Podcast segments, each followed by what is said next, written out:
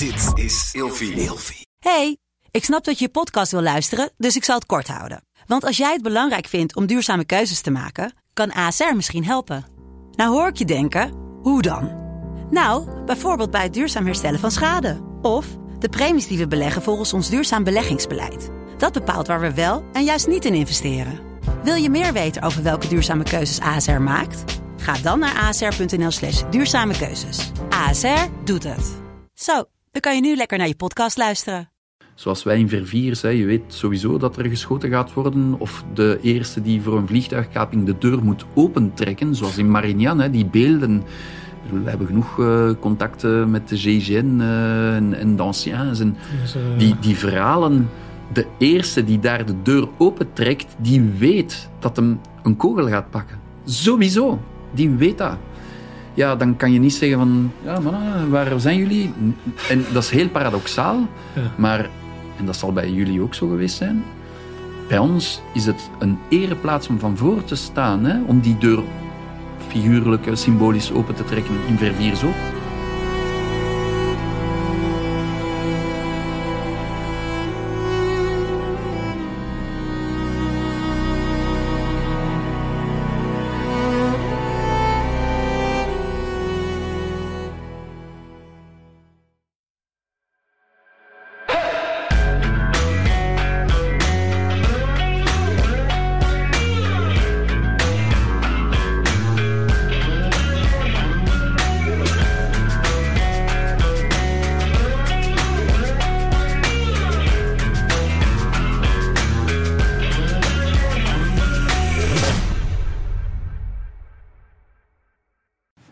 Welkom bij een nieuwe Scherpschutters. Eh, vandaag eh, tegenover mij eh, zit Leo. Hey, Welkom Scherpschutters. dank je. Heel tof dat je bent. Een lange rit gehad vanuit België. Een uur en een half, het viel mee, hè. Ja. Ja. Nou, ik vind het te gek dat je hier bent. We hebben al een tijdje contact, denk ik een half jaar. Ja. En ehm, ja, jij, de reden dat je hier zit is omdat Leo heeft dit mooie boek geschreven, De Terroristenjager. En dat is, ja, het is een uniek, eh, uniek boek. Eh, in het hart van de speciale eenheden. Eh, jij bent jarenlang operator geweest van de DSU. Voor de mensen die scherpschutters kijken, weten ze wat de DSI is. En we kunnen zeggen dat de DSU eigenlijk de Belgische Absoluut. tegenhanger is van de Ja. DSI. Hè? Ja. Ja, jij, hebt, jij bent er jarenlang heb je daarin gezeten. En je hebt een heel mooi pad afgelegd. waarop je zowel zware criminelen eh, hebt eh, opgepakt en veel eh, zaken hebt gedraaid. Daarna de terreurjaren, zoals je dat noemt. eh, 2015, 2016 eh, hebt meegemaakt en daar van allerlei dingen hebt meegemaakt. En, en al die dingen van opleiding tot aan die zware zaken draaien. Waarop jullie ook eh Abdeslam eh na de Bataclan-aanslag onder andere hebben opgepakt. Ehm, heb jij beschreven in het, in het boek. Ja. Wat ik er mooi aan vind, is met name dat als ik het lees, dat ik, dat ik zie dat het geschreven is voor, vanuit liefde voor jouw collega's, oud, Mhm. oud-collega's. Ehm, dus dat, ehm, dat wilde ik even eh, tegen je zeggen. Dat ik dat in ieder geval. eh, ja, dat ik dat, dat ik dat zie. Dat ik dat voel tussen de regels door. Hè, dat Ja. belangrijk is. Want, want dat betekent dat ik me heel goed kan voorstellen dat dit boek gedragen wordt ook vanuit de, vanuit de eenheid. Klopt dat? Ja, dat klopt. En eh, dat was eh, van in het begin toch wel een van de voorwaarden om het eh, boek te schrijven en mijn verhaal te doen. Dat is dat het, ja, het is een eerbetoon voor, voor de, voor de ex-collega's. Voor mijn ex-collega's en voor de collega's die er nu nog rondlopen en voor de nieuwe gene- generaties. Ehm, dat was natuurlijk een, voor mij een belangrijke zaak. Ja. Ja. Ehm, moest natuurlijk ook, dat is één zaak, langs de andere kant. ehm, het geeft ook meer krediet aan wat ik vertel natuurlijk, want anders ben je maar een einsatz in het verhaal. Hè. Eh, ja, wat, wat vertelt hij allemaal? Hier heb ik toch wel eh, de groep en zelfs de actuele groep achter mij om het te staven en om het te kunnen eh, ja, verantwoorden of, of, of legitimeren wat ik vertel door al die verhalen. Ja. Ja, ja, Je leest, je leest soms, daarmee bedoel ik, je leest soms zo van die boeken die dan eh, volledig in een contradictorisch perspectief worden gezet door, uh, door een eenheid. Ik zeg zomaar iets. Hè. Over Bin Laden in een tijd zijn er verschillende boeken en, en, en, verhalen geweest. En wie zegt dan de waarheid? Niet dat ik de waarheid in pacht heb natuurlijk, maar als dan de groep effectief um, crediteert wat dat je vertelt, dan maakt het het natuurlijk veel geloofwaardiger. Uh. Ja. Ja, ja, dat is voor jou vanaf het begin uh, belangrijk ja, geweest. Heel, heel belangrijk, ja. ja. er staan twee uh, schrijvers eigenlijk op, Anne, Annemie uh, Bulté. Wat, jullie, hebben jullie dat samengeschreven? Hoe, hoe werkt dat? Ja, zij is, zij is een topjournaliste. Hè. Zij is een journaliste die al meer dan 20, ik denk 25 jaar bij het Humoblad, wel bekend in België, zit. Um, een beetje, ik kan niet zeggen toevallig, want het is via een uh, netwerk en via een kennis dat we, dat we bij elkaar zijn gebracht geweest. Nu, ik had verschillende voorstellen van verschillende uh, journalisten, zowel de geschreven pers als televisioneel. Um, en het moest klikken. Weet je, dat is ook, ik ga geen tien boeken schrijven. Dat was waarschijnlijk het enige boek dat ik ga schrijven in mijn leven. En ik had zoiets van, ja, dat moet, dat moet klikken. En met haar klikte dat redelijk snel. Het feit dat het ook, um, ja, ze is heel objectief, heel kritisch. Soms heel kassant ook. Uh, zelfs als vrouw hè, tegenover een uh, stoere man. Uh, maar dat zocht ik. En zoals ik net zei, ook het feit um, dat het een vrouw was, om het, um, omdat de onderliggende toon of zelfs niet onderliggend, maar was toch om het boek menselijk te maken en, en toegankelijk voor iedereen. En niet alleen in een niche uh, gemeenschap te zitten van scherpschutters, ja. uh, waar dat, ja, ehm, ik, ik wou dat volledig open trekken. En ehm, ja, zij als vrouw heeft daar denk ik ja, de, de, de capaciteiten voor, voor gehad om, om zo die emoties los te wekken en, en dat ook op papier te kunnen zetten. Niet, ja. aan, een, niet aan een man dat niet zou kunnen, maar ja, ik, denk, ik, ik, denk wel dat zij daar echt wel uh, troeven in had. Nou, het Ja, in Nederland hebben we Jessica Valerius, die is uh, documentairemaakster. En die uh, hebben we ook al in de podcast gehad. En die heeft Onder de Radar gemaakt. Misschien is, heb je dat al eens ja, voorbij zien komen. Ja, Het is ook wel grappig dat dat... Ja, dan, dan, dat werkt dan toch wel. Zij is wel een, hele stoere vrouw natuurlijk, in een bepaald opzicht. Um, maar, maar ik kan me voorstellen dat dat prettig is om, om een beetje die vertaling te maken naar... Je zit zo in je koker natuurlijk al die jaren. Hè, en, en dan is het goed om iemand te hebben die, ja. die, die die vertaling een beetje voor je kan maken. Ja. En de reden dat ik ook startte met, uh, met die vraag over de eenheid is omdat ik, ja, omdat ik weet van silent professionals, hè, die wereld is gesloten. En, en dat, dat, is ook een reden voor om die wereld gesloten te houden. Dat, weet, dat snap je ook, omdat het veiliger is en omdat je procedures natuurlijk binnen huis houden. En het is nou eenmaal zo dat je in dat werk zit, zelfs je eigen omgeving dan niet vertelt wat je voor werk doet. Dat ja. heb je ook meegemaakt. Kan je eens uh, vertellen waarom je dan toch besloten hebt om dat boek te schrijven? Het, uh, ja, er zijn verschillende redenen. Het, uh, de, ik kan niet zeggen de hoofdreden, maar misschien de eerste reden was om... Um, toen dat ik erbij zat, dan vind je alles normaal. Zowel de positieve als de negatieve kanten. Uh, de stoere verhalen of eender twee, na een tijd wordt het banaal. En dan, dan heb je geen objectieve kijk meer over, over je leven, over je professioneel leven. Toen dat ik eruit stapte, dat ik af en toe een verhaal deed tegen iemand rond mij die zei: dat zijn toch wel echt wel heel uh, frappante en, en, specifieke verhalen. Uh, vertelt daar een beetje meer over. En ik voelde wel dat er interesse was om bepaalde zaken uit te lichten. Dat is één zaak, maar niet de prioritaire zaak. Dan was er natuurlijk het aspect dat er uh, de mensen of de collega's die er nog zijn, altijd in de schaduw moeten werken, uh, dat die nooit op de voorgrond moeten komen. Dat vragen ze ook niet. Hè. Dus niemand vraagt dat of niemand. Maar af en toe mag er dan wel een eerbetoon zijn. En in bepaalde landen wordt dat dan wel gedaan. Uh, België heeft daar blijkbaar een grote afkeer voor en de federale politie nog veel meer. En ik had zoiets van ja. Um, na een paar jaar dat ik eruit was, van ja, die gasten, dat zijn toch wel echt superheroes tussen haakjes. Iedereen is een superhero. En zeker nu in covid-tijden, dan is de verpleegster en de arts en zelfs de whatever, hè, de, de bakker en de beenhouwer zijn ook superheroes. Maar ik bedoel, met wat we hadden meegemaakt, had ik zoiets van, ja, sorry, maar hier, hier moet toch echt wel iets aan gedaan worden. En de hiërarchie heeft het niet gedaan en deed het niet. En dat was voor mij zo'n beetje een wrang gevoel. Niet tegenstaan dat ik er niet veel bij te winnen had, want ik, ik zat er niet meer. Ehm, maar ja, ik wou aan hen een beetje in de, in de bloemetjes zetten. Dus Ja, eh, vandaar. Dat, is, dat is dan, ik ga zeggen, de hoofdbrok.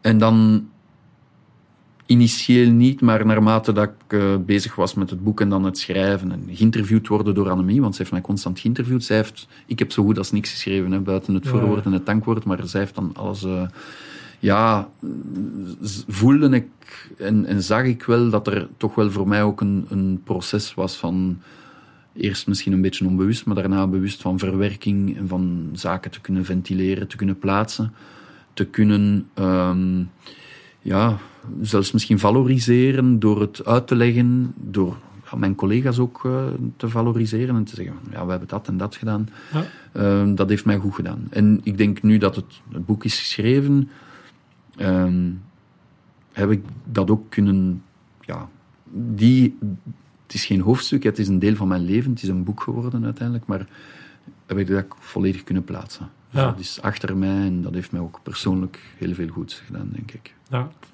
Nou ja, dat is herkenbaar. Ik heb ook wel, eh, ik weet niet of je Sander Aarts kent, die Ja, heeft niet de breker heb, ik heb geschreven. zijn boek gelezen. ja. Nou ja, hij zat bij mij in het, Oké. in het peloton. Hij was mijn eh onderofficier, een van de teambazen toen ik eh Oké. pelotonscommandant daar was. Ehm, dus ik ken hem eh, goed. Ja, bij hem is het ook heel duidelijk dat het echt een onderdeel is van je proces na zo'n heftige tijd, eh, zo operationeel gediend te hebben, uiteindelijk dan naar de burgermaatschappij, zoals we dat dan noemen. Eh, ja, dat is Ja. een transitie. En daarin hoort wellicht ook gewoon dit proces. En dan, Ja. dan is die, die dingen opschrijven voor jezelf. Dat even al, want je zit, ja, wij noemen dat altijd die sneltrein waar je dan op zit. En Ja. operationeel is gewoon bam, je gaat, er, je gaat erop en, Ja. je, je, je- houdt je vast. En eh, je, doet, je doet- alles wat er, wat er op je afkomt. Ehm, maar als je daar afstapt, ja, dan is dit eigenlijk heel erg goed voor je proces om gewoon, of je het nou uitbrengt of niet, maar het is goed voor je proces om het op te schrijven, denk ik. Absoluut, ja. Dat, dat, dat is het. Ehm, je zit er pal op. Dat was voor mij ook, zoals dat je zegt, die sneltrein, dat is echt wel een, eh, eh, een, een beeld dat we altijd nemen. Maar effectief, het is een eh, hoge snelheidstrein dat voorbij raast. En dan tijdens de opleiding moet je erop springen of opgeraken en dan erop blijven. En dan op ene keer, dat is hem ook juist, op ene keer beslis je dat je stopt, of moet je stoppen. En dan word je er, ik kan niet zeggen terug afgeduwd, maar spring je eraf. En de trein is weg. Ja. En daar sta je dan, in the middle of nowhere. Daar komt het in feite op neer. En dan vraag je, ja, vraag je je af wat dat je gaat doen. Waar is de trein? Hè? Eh, waar is de rest van de wereld ondertussen naartoe gegaan? En alles verloopt precies ook veel trager. Ik heb, ik heb dan nu nog altijd zo'n beetje het... eh, niet het ongeduldige, want dat is niet het goede woord, maar bij mij moet altijd alles vooruit gaan. En dan, ja, het moet gedaan worden, het moet juist zijn, het moet precies zijn, het moet vooruit gaan en deadlines. En anders, ja, en dat zal die een trein nog waarschijnlijk ergens Ja. zijn, die blijft eh, hangen. Ja, dat wordt een interessant proces. Ik ben nu inmiddels zes jaar eh, weg, maar ik merk nog steeds dat ik ook, ook nu werk ben. En dan maak ik mezelf. Je, je creëert bijna weer in je nieuwe leven, wat Ja. jij ook aan het creëren bent nu. Creëer je bijna weer dezelfde omstandigheden om je heen die je toen had. Ik ben ook altijd druk en een ding. En dan af en toe denk ik wel eens. Hoe kan het altijd dat ik weer in zo'n situatie zit dat het weer zo druk is en dat ik weer zoveel dingen om me heen heb? En ja, dat komt bijna. Ik denk dat, dat je er bijna aan verslaafd bent. Of Ja. dat je inmiddels zo geprogrammeerd bent, misschien dat je dan gewoon in dat operationele tempo blijft zitten, zoals als je weg bent. Ja, absoluut. Ja. heel, heel herkenbaar. eh. Vaak mensen die mij ook zeggen van... Nee, nu na dit boek ga je toch even, hè, even rustiger aan of iets anders. Of, ja, en nu ben ik al met drie andere zaken bezig en, en ja, het moet vooruit. Ja, ja gaaf. Ja, ja toch eh weet je hetzelfde houdt. Hè? Dat is wel mooi om te zien. Hey, het is, het is, laat ik nogmaals benadrukken, het is bijzonder. Jij hebt, jij hebt je bivakmuts afgezet. Ik heb dat zelf eh, ook wel gedaan. Ehm, toen ik met de podcast gestart, dat is, dat is ook al een heel ding. Hè? Je, Ja. je- maar voor de mensen die hier naar luisteren of naar kijken, ehm, is het uniek ehm, dat hier eigenlijk iemand zit zonder zijn bivakmuts en dit verhaal gaat doen. En ik heb een keer een, eh, een, opera- een, een, eh, operator van de DSI gehad. Die zit er dan hier met een bivakmuts. Ja, we kunnen nu gewoon eigenlijk eh, gaan bespreken wat jij allemaal hebt meegemaakt. En mensen, waarom dat waardevol is, is, eh, je benoemde het al, aan de ene kant is het waardevol omdat het even licht schijnt op de eenheid die nu, nu nog steeds 24-7 uh, bezig zijn om de veiligheid te waarborgen. En mensen dan meer besef krijgen wat voor opofferingen daar geleverd worden om ons veilig te houden. Ja. Um, dat is één. en twee, waarom is dat waardevol? Is omdat het een inkijkje geeft in wie jij bent. Uh, hoe jij in het leven staat en hoe jij gehandeld hebt onder bepaalde omstandigheden. Omdat mensen die misschien iets totaal anders doen, of het nou topsport is, of dat ze in een corporate setting zitten, of wat ze ook doen in hun leven, daar weer dingen uit kunnen halen. Mm. Uh, omdat ze eigenlijk naar een high performer kijken in een, in een hele heftige omgeving die zijn verhaal doet. En alleen dat al ja, is gewoon enorm waardevol. Dus uh, top dat je er bent. Dank u. En uh, laten we eens erin gaan duiken. Want het, waar kom jij vandaan? Wie ben jij eigenlijk? Zeg ik dan? Wel, um, een gezin van uh, drie kinderen. Eerder, ik, ik was. Um, mijn ouders zijn gescheiden op mijn tiende of elfde. En dan heb ik er nog twee broertjes bij gekregen. Dus twee halve broers. Uh, dus een nieuw samengesteld gezin. Drie zonen. Um, mijn, lang verhaal kort, mijn pa was iemand die um, heel erg opkeek en performer, performant was op uh, diplomavlak, studies, etc. Um, nu, mijn twee andere broers hebben het meegekregen. Een is dokter en een andere is, uh, werkt in een CFO, in een multinational bedrijf. Maar ik had het, ik ben de oudste, maar ik had het blijkbaar minder mee, minder tussen haakjes wellicht uh, een voorbode van eh, ADD of ADHD of whatever. Uh, ADHD misschien niet, maar ADD sowieso. ja, altijd lopen, springen, rennen, sporten, alles geprobeerd. Dat heeft mij ook geholpen voor daarna. Dat is misschien een anekdote, maar um, het feit dat ik tijdens mijn jeugdjaren een beetje van alles heb geproefd. Um, klimmen, volleyballen, duiken, zwemmen, whatever. Um, maakte denk ik van mij geen een topsporter, maar wel een multitooler. Ja. Ik kon alles aan. Ik had geen hoogtevrees, ik had geen watervrees, ik had balgevoel, ik kon handenstand doen, whatever. Dat zijn nu details, maar ja, ah, fysiek, fysiek was die polyvalentie er wel, denk ik al. Superbelangrijk. Ja. ja. Heel brede waaier, geen niche. Want daar ben je meestal niet veel mee. Toch in de Special Forces ben je niks als je, whatever, eh, wereldkampioen kickboksen bent of eenderd wat. Je, moet, je bent beter. Want dat zijn dan de mannen die dan uh, zijn of hoogtevrees of whatever. Dus ja, een um, beetje van alles gedaan, een beetje van alles geprobeerd. Met de hakken over de sloot altijd door mijn studies. En dan, ja, op het einde van mijn humaniora dacht ik van ik moet toch iets gaan presteren voor mijn ouders, voor mijn pa. het eerste jaar volledig val ik aan het gebuis. Dan, ja, wat wil je nog doen? Het enige dat ik kon doen was sporten. Dus ik dacht, ik word sportleraar. Uh, ben ik drie jaar op hogeschool uh, mijn broeken en mijn shorten gaan uh, verslijten. Ben ik dan gediplomeerd sportleraar eruit gekomen. Maar ik was jong. Ik was, ik was ook altijd een beetje voor. Dus ik was, ik was twintig jaar, ik was eruit. Um, en ik had zoiets van, ja, ik, ik voelde ook dat ik nog niet rijp was voor, voor, voor te gaan werken en voor, en ik zag me ook niet in het onderwijs staan. Niet tegenstaan dat ik wel heel graag les gaf, vooral aan kinderen, aan heel kleine kinderen. Psychomotoriek en zo, ik vond dat wel boeiend om te zien hoe dat op een paar dagen en weken tijd dat je zaken kan aanleren. En, en dan had ik zoiets van, oké, dan ga ik nu nog iets bij doen. Laten we, want ik dacht al misschien bij de politie te gaan, laten we criminologie bijstuderen. Dus dan ben ik... Uh, soort verkort programma. En dan uh, drie jaar, in plaats van vier jaar, drie jaar eh, criminologie aan de universiteit in Brussel gaan studeren. En dan was ik afgestudeerd, of bijna. Um, in mijn laatste jaar op de UNIF heb ik dan een stage moeten lopen. Ik had een coach rond UNIF en ja, mijn stagemeester zei van ja, hier, dat was net voor de politiehervorming. We gaan het niet te veel in detail uh, houden, maar dus er was de Rijkswacht en de gemeentepolitie voor de politiereforming. Daarna is dat de federale en lokale politie geworden. Ja, ja je beschrijft het ook kort in je boek. Ja, ja, ja, het is kort beschreven. En toen zei mijn stagemeester, ah, oh, u wil bij de politie? Ah, wel, gaat daar bij de lokale gemeentepolitie stage lopen. En ik vond dat, voor mij was dat...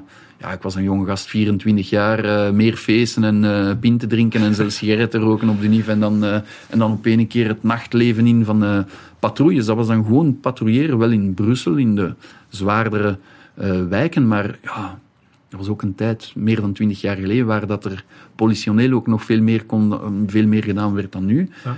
En ik vond dat geweldig en ik had zoiets van, oké, laten, we, laten we dat proberen. Ben ik de, aan de politieopleiding begonnen. Ehm, en ehm, dan is die politiehervorming gekomen. En door de politiehervorming kon je dan schuiven tussen het federaal niveau en het lokaal niveau. Dus tussen de ex-Rijkswacht en de politie. De Rijkswacht heel militair gezien. Hè. Dat was ook vroeger van Defensie, heel vroeger. Dus heel, de marechaussee van hier, denk ik. Ja, ja. En, en dan de gemeentepolitie, ja, een, een totaal ander beleid. En dan kon je van het een naar het ander gaan door mobiliteit. hè. En ik heb dan toen meegedaan, een beetje onbezonnen, eh lukraak. Ik dacht van, ja, ik probeer dat maar en ik zal wel zien. En je moet altijd een beetje geluk hebben. Dus ik heb waarschijnlijk ook een beetje geluk gehad. Maar ja, eh, naarmate dat de testen vorderden en dat ik eh, erdoor raakte. En zoals dat je daarnet zei, er, tijdens die testdagen waren er gasten van een meter 98 naast mij die al met verhalen kwamen dat ze al twee jaar aan het trainen waren en whatever. En die zag ik dan in het zwembad zinken of, of verdrinken. Of een, Ja, je, je had net je peupje Eh, ja, uitgedrukt. ja, ja, ja, ja, ja, maar bijna letterlijk. eh, en toen dacht ik van ja, als ik er door wil, dan moet ik toch wel even eh tandje bijsteken en al die, die zeven van de UNIF van de voorbije jaren stoppen. En Ja. heb ik mij, ik zeg het, herpakt. Ik kon dat ook. hè. Ik kon sporten, ik was redelijk polyvalent. Maar en toen is die klik en die mindset gekomen. Vooral dan na die testdagen en testweken, toen dat ik hoorde dat ik aangenomen werd voor de stage te mogen lopen. Dus dat is een stage van tien maanden ongeveer. Want we praten nu over de SI, hè? Ja, voor het Ja, dat, was een, dat is de voorloper van de DSU, klopt ja, dat? Ja, ja, absoluut. Ehm, het CI is de voorloper van de DSU en nu blijft eh, de benaming van het Speciaal Interventieskadron hè, eh, blijft behouden voor het peloton interventie. Dus DSU is een grote machine en interventie is echt een niche daarin. En dan, ja, dan kwam eh, de opleiding van eh, tien maanden, plus daarna nog zes maanden bij, et cetera. En, en ja, ik ben daardoor gesparteld. Ik moet zeggen, ik ben meer gegroeid tijdens, na mijn opleiding, dus tijdens mijn carrière, denk ik, dan tijdens mijn opleiding. Waar, als ik mijn eigen dan vergelijk met collega's die dan top, top waren tijdens opleiding en die dan daarna misschien meer een plateau hebben gekend. Ja, ik ben echt wel gegroeid op alle vlakken tijdens, tijdens eh in peloton zelf. Ja. Ja, kan je ons nog heel even meenemen naar, naar die opleiding? Wat, wat heeft het meeste indruk gemaakt in die periode op jou? Weet je, om terug te ko- komen op je initiële vraag, hoe was het thuis en de familie en zo. Ik had, ik had, ja, ik had dan wel ondertussen twee diploma's, maar waarmee dat ik niet veel eh, dacht te doen.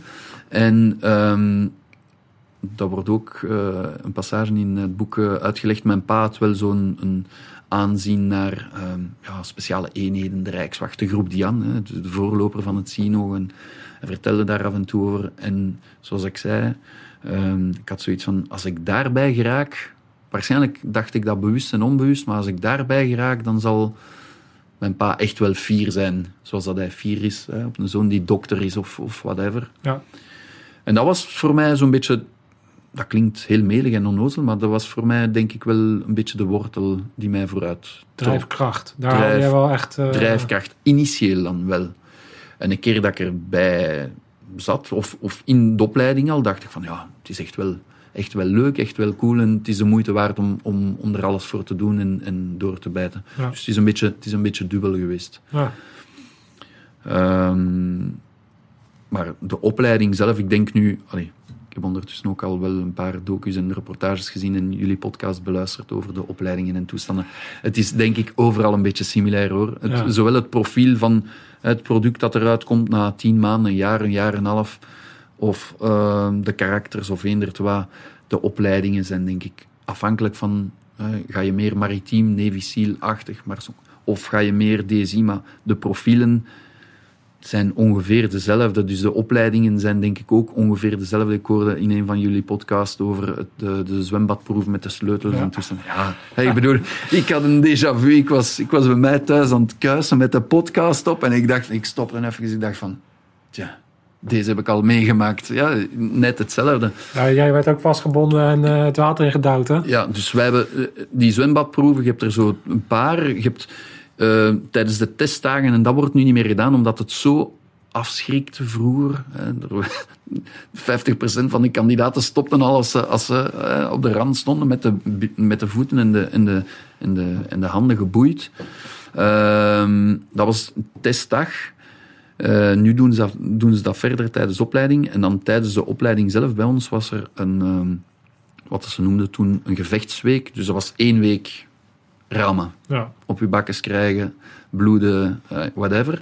En een van die dagen was een voormiddag in het zwembad met allerlei proeven, verdrinkingsproeven. En daar was ja, de zwembadproef. Dus waar dat je op het einde van de voormiddag geblinddoekt wordt. Dus je krijgt een, een duikbril op met tape, zwarte tape. En dan brengen ze u aan de boord van het zwembad. Je hoort de luchtbellen al van de gevechtsduikers die uh, in het zwembad zitten. En zeggen van oké, okay, je moet aan de overkant geraken, maar je mag je duikbril niet aftrekken. Dus ze gooien nu in het zwembad. Je moet aan de overkant geraken. En in feite moet je vechten voor je leven. Daar komt het in feite op neer. Maar je bent het feit dat je, ja, je bent, dat is op het einde van de opleiding, het einde van de stage, het einde van de gevechtsweek. Je hebt bijna niet geslapen, gegeten, je bent fysiek en vooral mentaal volledig op uitgevrongen. En dan zit je in een claustrofobisch ding waar dat je weet dat je gaat een bijna doodservaring hebben, want ze gaan nu naar beneden trekken en ik zeg het, één op twee moesten ze daar uh, zuurstof toedienen en half ja. reanimeren ja, dat zijn dan de testen die dienen om te zien hoe ver dat je gaat. Ja. En op het moment zelf versta je dat dan niet, maar achteraf denk je van ja, dat was misschien wel nodig om nog eens het kaf van het koren te scheiden. Ja, waar we het ook over hadden, je had het ook over, over mensen die bijvoorbeeld en gespierd zijn ja. of kickboxer zijn, die een bepaalde uitstraling Kijk, uiteindelijk als je bij de Special Forces gaat, weet je niet wie er boven komt drijven voor aan het beginstreep. En dat letterlijk en figuurlijk bijna. Ja. En dat heeft te maken met dit soort testen. Want je pas als je mensen onder zo'n omstandigheid uitdaagt. En de reden dat ze dat op die manier zo extreem doen is heel duidelijk. Omdat later ben jij letterlijk in die omstandigheden gekomen. Ja. Waarbij je in een heftig vuurgevecht zitten. En, en, en, en een grote terrorist uh, ja. te grazen moeten nemen. Die omstandigheden worden in dat zwembad eigenlijk al Nagebootst. Ja. Nagebootst. Dat, is, dat is eigenlijk het hele principe. En dan Absoluut. kan je nog zoveel spierballen hebben. Maar dat zijn niet de dingen die ervoor gaan zorgen dat je Abdesalam wel pakt of niet pakt. En dat je de, de mannen naast je hebt staan die dat kunnen.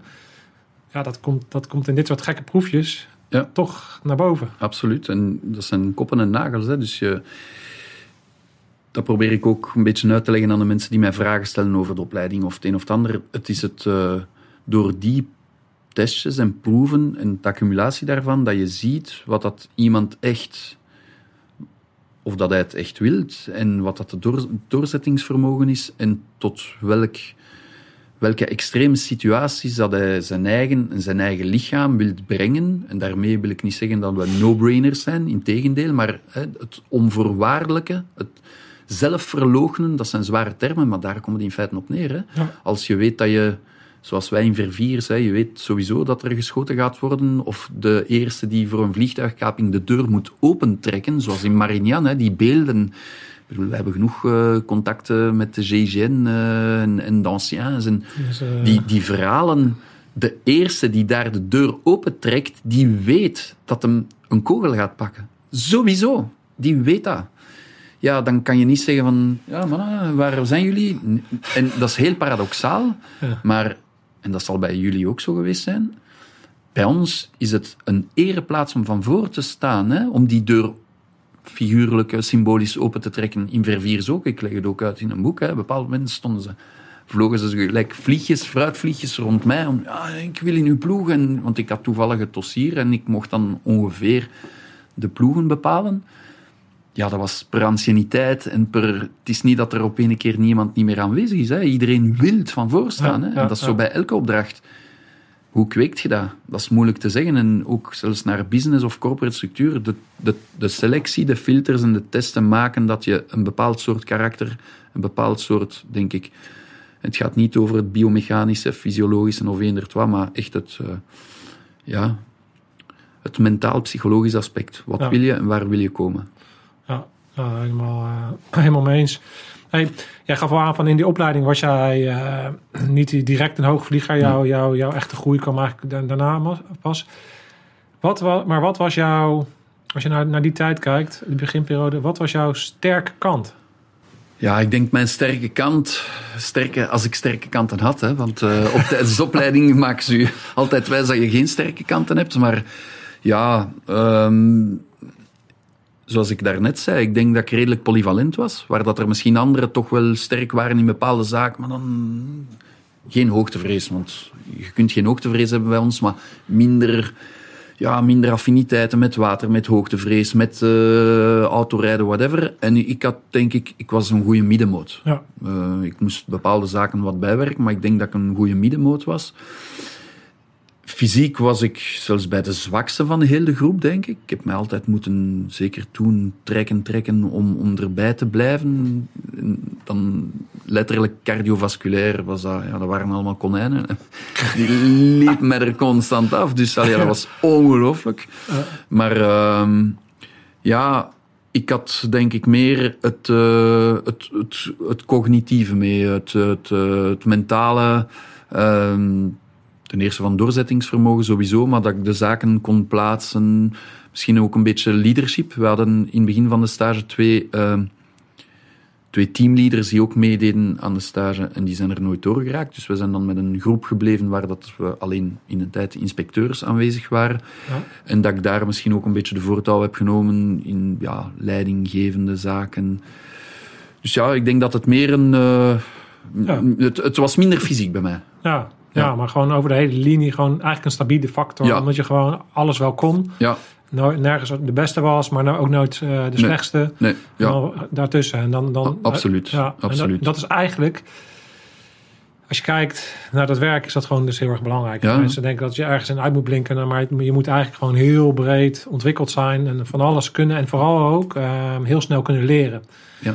Ik denk dat dat een, een, aspect is wat mensen heel erg onderschatten. Je moet vooral iemand zijn die het leuk vindt en ook het goed kan ja. om iets nieuws op te pakken, te zien en binnen een dag uh, eigen te maken. Wat het ook is bijna. Daar, daar zeg je het. En, en dat, dat is het denk ik. Het feit dat je heel um, kneedbaar, polyvalent moet zijn. En zoals dat je zegt, iets nieuws, paf. En ik leg je dat één keer uit. Je kan vragen stellen en dan moet je het kunnen. Ja. En je moet het niet voor 80% kunnen, je moet het voor 120% kunnen. En dat was denk ik bij mij ook misschien, daarmee dat ik zeg cognitief. Um, ik, ik neem heel snel zaken op. Um, niet tegenstaande dat er andere gasten daar, ja, die waren dan op de schietbaan al verschillende keren bepaalde technieken van het zie gaan oefenen. En, en, en ik kon dat allemaal niet. En dat was denk ik ook mijn geluk, dat zeg ik ook in het boek. Ik denk het feit dat ik tabula rasa een beetje hè, met mijn peuk binnenkwam en dacht van oké, okay, het zal hier ja. wel... Dat ik ook niet wist wat dat er kwam. Dat dat een beetje mijn redding is geweest, omdat ik... Ja, ik, ik, het was altijd dag per dag, minuut per minuut. We zien wel. Als ze mij dat aanleren, doe ik dat. Als ze mij, en niet te ver vooruit kijken. Als je te ver vooruit kijkt... Ga je te veel druk maken? Druk, stress en... en ik heb stress gehad, hè, sowieso. nee, nee, ja, omdat die stress, en dat weet je ook, hè, ja. bij ons was dat elke week een evaluatie. Elke maand was er een, een, een schiftings... Allez, een, een, dag waar dat mensen, kandidaten, geen kandidaten, stagiairs buiten gooiden. Dus je wist, de laatste vrijdag van de maand waren er een paar. Dus je zag die groep zo slinken. Ja. Dus er was stress, er was druk, permanente druk. Alles wordt onder de loepen bekeken, alles wordt uitvergroot, alles wordt... Hè, en een keer dat je in die spiraal zit, dan raak je er meestal niet meer uit. Ja, gewoon dag per dag, ja. step by step. Hè. Als, als ik nu zeg dat je 200 kilometer moet wandelen, dan ga je zeggen, ja, ik ga dat nooit kunnen. Als ik telkens... Hè, om, om... 200 keer een kilometer is wel te doen. Voilà. Ja. Ja, daar komt het op neer. Ja. Mooi. Ja, dat, ik denk dat dat hele belangrijke lessen zijn. En het zal ja. inderdaad al vaker terugkomen. Maar het opdelen in kleine stukjes en je niet druk maken over de dag van morgen, maar ja. vooral over wat doe ik, uh, waar ben ik nu mee bezig, super belangrijk. Problemen ook aanpakken. Ook geen problemen zoeken, problemen aanpakken als ze er zijn. En niet, zeker tijdens de opleiding, niet te veel vooruit gaan. Ja, dat gaat nog komen en dat zijn de problemen. Nee, nee. Los deze al op. En dan, ja. als deze opgekuist is, dan kan je naar het volgende gaan. Ja. Ja, en, en een andere factor, uh, tenminste, ik ken je net, hè, maar sociaal ja. helpt het ook als je gewoon een relaxte gast bent. Ja. Met, met, met de meeste mensen wel overweg kan. Ah, en beetje, toch? Als ja, ik jou zo een beetje inschat, ben je ook zo iemand die, die makkelijk plant, makkelijk... Uh, ja, chame chameleon. Hè. Uh, overal, zoals dat je zegt, het is, het is, het is zowel mentaal, fysiek ook. Hè. De meeste mensen denken van, ja, het zijn allemaal bergen van hè, spierbergen en allemaal groot je moet polyvalent zijn. Je moet toch wel redelijk ja, discreet door het leven, tussen haakjes. Als je zo'n bende in een café of een, eh, een, een, een pub ziet binnenkomen, dan denk je, iedereen vroeg nou, ja, een rugbyspelers of wat is het, maar je ziet wel, maar in feite zou je moeten redelijk discreet door het leven kunnen, Ja. moeten kunnen gaan, zelfs als je een grote spierbundel bent. En dat is het. Dat zou jij ook wel herkennen. Ik vind het altijd grappig als ik... Ik had het vaak als we dan ergens, ik noem maar wat, bij een oefening op Schiphol of iets dergelijks aankomen. Eh, dan kwamen we met zo'n groep aan. En dan had ik altijd een beetje het idee... Ja, het had net zo goed eh, een sportteam. Ja. Of gewoon allemaal relaxed gasten. Of een boyband maakte ik ook wel eens eh, de, Ja. grap- de grappen, weet je, de Backstreet Boys. Ehm, Ja, jullie met je sneakers, hè? Ja, sneakertjes en sneakers, hè? allemaal een beetje mooie... eh, Ja, ja. ja, behalve ik dan, maar de, allemaal van die mooie gasten. En, maar wat, wat ik Ik wel, het, altijd, dat zou je ook wel herkennen. Op het moment dat die gasten dan binnenkomen, denk ik, ja, ah, prima. Maar zodra dan langzaam je richting de, de actie gaat, Ja. de spullen gaan aan, de vesten gaan aan. Iedereen wordt daar letterlijk ook wat groter Ja. van. En de, de bivakmuts gaat op, de helm gaat aan. En dan ineens, daar komt een soort klik. Ja. En op het moment dat je dan binnenstapt, de, de- ja, dan, dan, dan kan er een partij geweld op je afkomen als je de, de tegenstander bent. Dat is niet normaal. Ja. En, dat, en, dat, en, en dat samen en, dan- en, en die focus, en, en dan- ja, dat, dat was zo'n Ja, onbeschrijfelijk gevoel eigenlijk. 100% zelf en effectief, zoals je zegt, een boysband. Ze, ze noemden ons vaak zo, hè, een boysband is daar. Of, maar dat is ook omdat de groepsdynamiek, als het niet operationeel is of niet tijdens een briefing, wordt er heel veel geventileerd door humor, door zwarte humor, door te, hè, te poken en te plagen en whatever en, en onnozel te doen. En zoals je zegt, je voelt zo de concentratie en de focus gaan en op een keer is dat het is bijna, ik ga niet zeggen psychopathisch, maar binair zo op een keer zie je klik daar baf. En dan zijn dat allemaal andere gasten. Iedereen weet ook, maar niemand, dat is ook normaal. Tijdens een briefing wordt er geluisterd, wordt er niet meer gezeverd. Wordt er, en tijdens de opdracht nog veel meer. Daar wordt dat ook niet getolereerd om whatever. Dus er is een, grote, een groot verschil, een grote discrepantie tussen, zoals dat gezegd, de mannen die dan zelfs met hun, met hun short en als we dan een oefening aan de zee hadden of tijdens de zomer of zo, dan komen we toe met een short en een t-shirt open en zelfs de slash en een strandslash. En dan op een keer is het daar. Ja, en dan zie je wel dat het echte professionals zijn. Dat die klik echt gemaakt wordt. Ik vind het wel grappig dat je hetzelfde vertelt, want het is, het is effectief. Ja, ja, zo zie je dat dat, dat, dat, geen reet, die grenzen, Ja. het, het- het zal overal wel een beetje hetzelfde zijn. Ja. Hey, want ja, jullie zijn echt een kleine club. Dus ik denk dat je, was- ja, jij bent in de jaren dat je operationeel hebt gezeten, ben jij super druk geweest. Je hebt eh, Ja. verschillende casussen beschreven. Misschien is het leuk om eventjes eh, Ja. echt naar het operationele te gaan. Hè? Eh, neem ons eens mee. Pik voor jezelf een interessante casus waar je wat over wil vertellen, die er wellicht ook wel in staat. En neem ons eens mee naar, naar, naar inderdaad die, die, die, die focus naar zo'n zaak toe. En uiteindelijk dan daadwerkelijk de zaak uitvoeren. Kan je ons meenemen in zo'n verhaal? In het, eh, in het boek, het boek is dan operationeel opgesplitst in twee grote delen. Hè. Dus het eerste deel, de, de 12, 13 eerste jaren van mijn carrière, waar dat meer ja, groot banditisme was. Hè. Ook wat de AT's hier in eh, Nederland doen en deze eh, grote zware mannen gaan plukken. Niet altijd terreur gerelateerd. Nee, nee. En, dan, en dan het laatste deel, of het tweede deel van het operationele verhaal, is dan meer het uh, ja, terrorgebeuren. Pak 2014, 15, 16 in België ongeveer. Ja. 15, 16 eerder. Um, en dat is een scheiding geweest voor ons, dat zeg ik ook altijd, maar dat is ook zo. Niet tegenstaande dat DSU en meer bepaald het CI sinds 1972 opgericht is zoals dat de meeste Europese uh, eenheden zijn opgericht na München. En dat wij van in begin een antiterreur-eenheid zijn, hè, onder verschillende benamingen en acroniemen. Maar ja, er, was, er waren ook geen terrordossiers in België. Ja, één keer per jaar krijg je dan wel een terrordossier toegestoken en dan moet je de een of de andere gaan halen dat een logistieke man was voor een terreur, whatever. Maar zoveel waren er niet. Wij, 95% van de opdrachten waren opdrachten van gemeen recht, hè. Groot, groot banditisme. Uh, soms was dat ook gewone zaken. Hè.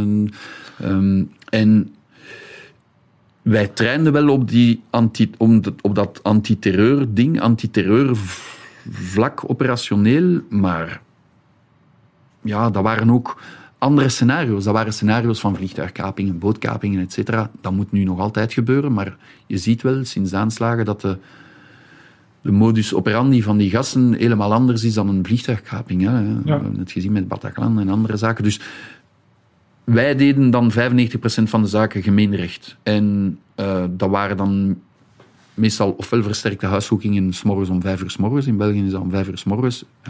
Al de voorbodes van een Riki te gaan doen, een verkenning, de breachers. Ik ben een heel lang breacher geweest. Um, en dan binnengaan. Ofwel arrestaties, mobiele arrestaties, zowel te voet als uh, per voertuig, waar dat we mensen klemrijden en dan overgaan tot de arrestatie.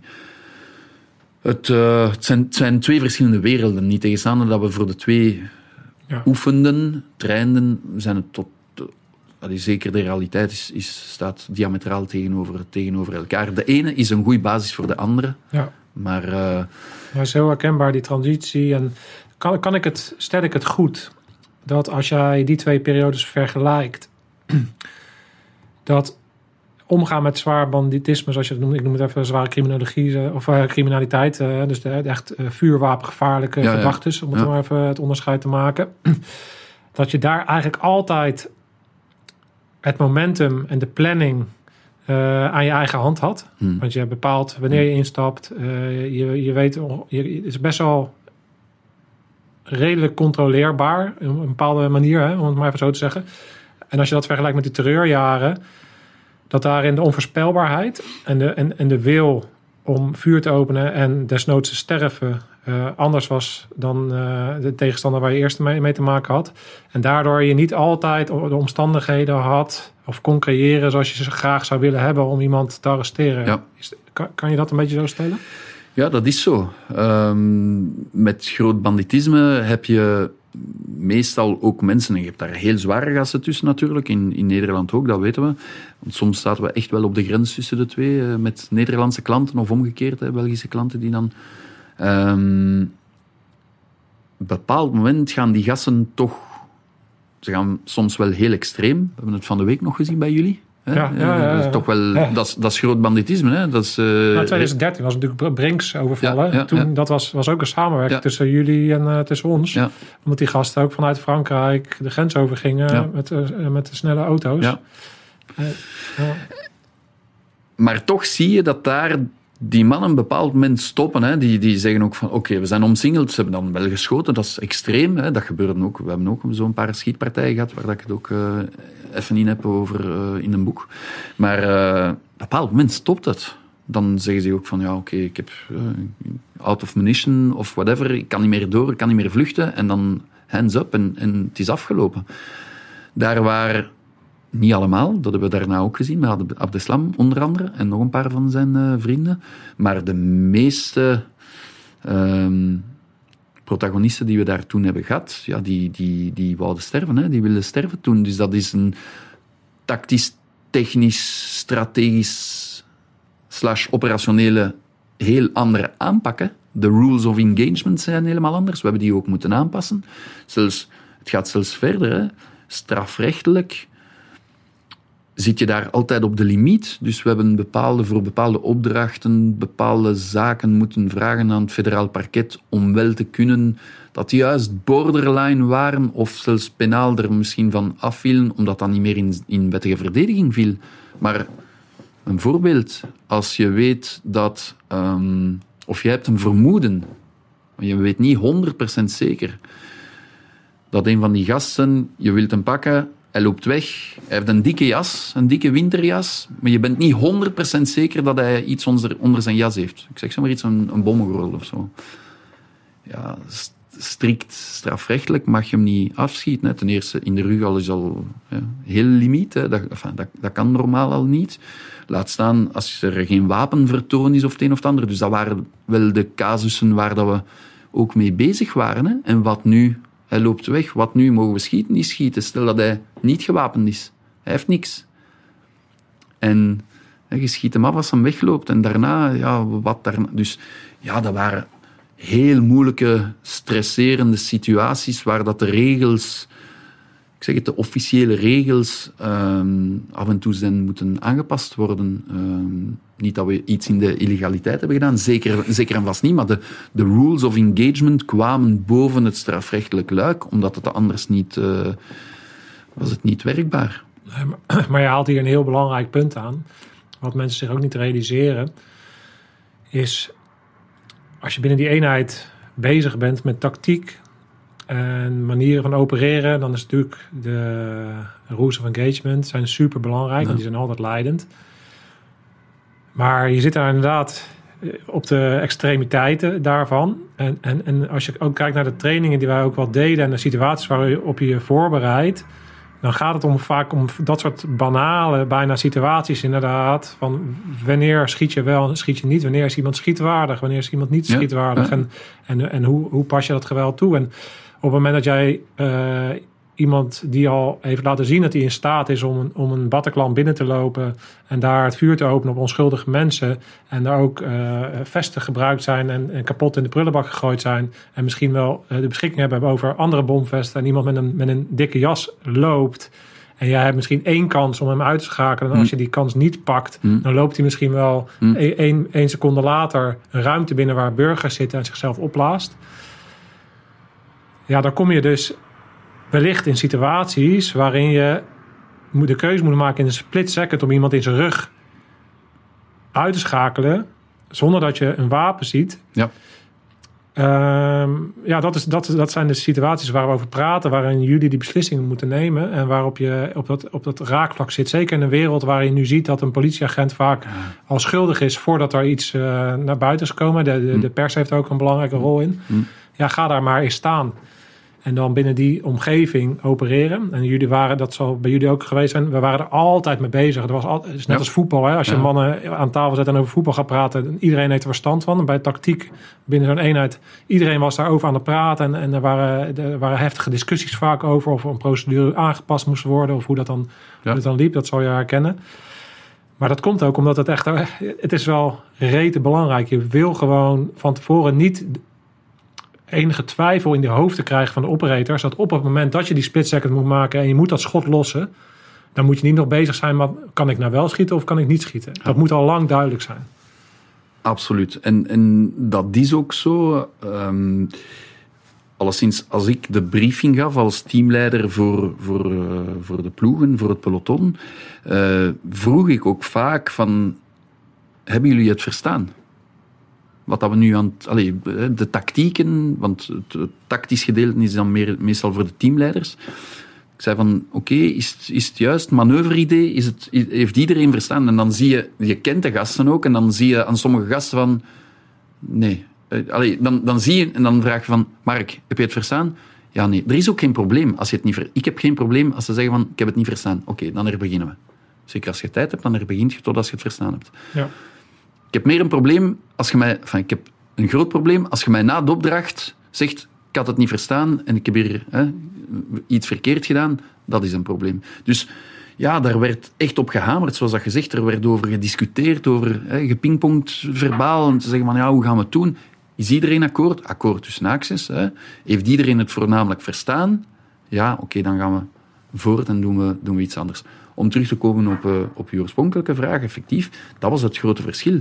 Dat als je gaat voor, tussen zware criminelen, grote gangsters, ja, daar, daar is het redelijk afgebakend. Het strafwetboek zegt wat dat je kan en niet kan. Uh, alles wat dat... Uh, politieartikels en toestanden, dat is duidelijk. Hier in Terro gebeuren en in Afghanistan zal dat ook wel zo zijn, of in Irak. Er zijn geen regels. Ja, er zijn, er zijn regels voor ons.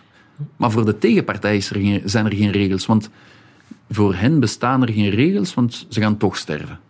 Dus die, heeft niks meer, die hebben niks meer te verliezen. Dus, en vandaar dat het heel moeilijke opdrachten waren omdat wij altijd aan aan ja, een, evenwicht aan het zoeken waren op zo juist, juist de grens. Hè. wat kan, wat kan niet, wat is juist. Eén keer was een dag, waren er bepaalde regels bij, omdat het over die gast ging op de slam. En dan moesten we, en dan de dag daarna ging het over een van zijn kompanen, maar dat was dan minder, minder high level. En dan waren er die, werden die regels eh, afgeschaft en was het dan een ander manoeuvre-idee. En ja, dat was eh, een, een, een groot verschil. En dat heeft een mindset. Ik kan niet zeggen de mindset, maar de, de manier van denken veranderd. We hebben ons ook heel snel moeten aanpassen op tactisch vlak. Hadden ook, zeker met Verviers daarna een klein beetje meer, maar voor Verviers eh, op materiaalvlak niet veel. Dus we hebben echt wel moeten knutselen en puzzelen om, om bepaalde zaken te kunnen. Maar nog, nog altijd in dat wettelijk kader. En Ja. dat maakt het, ja, dat maakt het eh, operationeel bijzonder moeilijk. Ja. ja, dat is wel herkenbaar. Wat we, bij, bij ons zag je, zag je ook die ontwikkeling. kwam ook mede doordat eh, bij ons kwam eigenlijk eerst Afghanistan. Ja. Omdat veel militairen natuurlijk binnen de, binnen de DSI zitten. Merk je dat, dat, dat zij ervaring meenamen van daadwerkelijke vuurgevechten. Die natuurlijk jarenlang eigenlijk niet meer waren geweest. Ehm, en dat daar de tactieken die eigenlijk ontwikkeld waren vanuit de jaren 70 en natuurlijk langzaam zo opgebouwd waren. ehm, eigenlijk langzaam een beetje tegen hun beperkingen begonnen aan te lopen en inderdaad toe waren aan, ja. Ja. moeten we het wel zo doen? En dat had met name te maken met het feit dat je afhankelijk natuurlijk bent opgericht om eh, iemand te komen redden. Ja. En je daarom heel veel risico's neemt. En vaak op snelheid werkt. Mm. Maar dat daar eigenlijk vanuit die snelheid soms ook wel beperkingen zaten die vanuit de realiteit kwamen. Dus moet je soms snelheid gaan of moet je op veiligheid gaan? Ja. En daar is wel een ontwikkeling Ja. in gekomen waarin, nou ja, jij, jij weet hoe het is om in een trappengat te staan en een AK-vuur eh, om je oren te krijgen. Dat is heftig. Ja. En dan ga je niet met achter een schildje door een, eh, eh, eh, achter een treintje aanrennen. Ja, absoluut. Toch? Ja, ja. Ja. ja dat is ja. Nee, nee, ja, dat is. En, en dat hebben wij ook gezien, zoals dat je zegt. Wij zaten daarvoor in een volledig, ik ga zeggen, eh, politionele mindset. Daarmee bedoel ik weer al hè, in een strafrechtelijk kader waar dat je hè, bepaalde uren, bepaalde zaken mag doen en niet doen. En hier op één keer was het oorlog, hè? Ja. Ja, maar dat, dat stopte niet. De tegenstrever was geen gangster, maar echt iemand... Ja, ze kwamen dan ook meestal... Dat waren retournees, die kwamen dan meestal ook terug uit Syrië of uit Afghanistan. Dus die vechten ook zoals Ginder in een stedelijke omgeving waar dat wij rekening moeten houden met derde, met de wet, met allerlei zaken.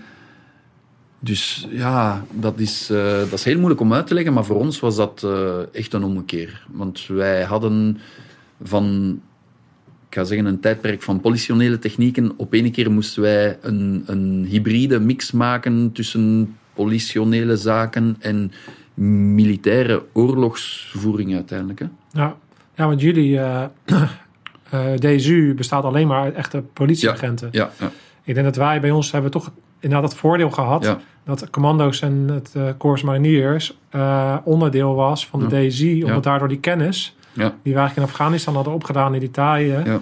heel erg eh doorcijpelde. je moet je, moet je, je zwakheden, of zwakheden of je minderheden altijd kunnen toegeven. En dat hebben we dan na- voornamelijk na Verviers ook ingezien.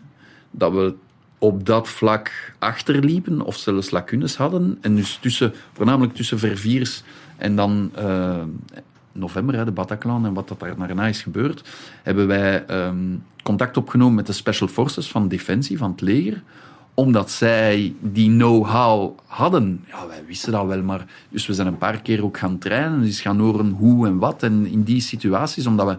Ja, ons tegenstrever was eerder een, een tegenstrever die zij kenden, dan dat wij die door de jaren hadden gezien.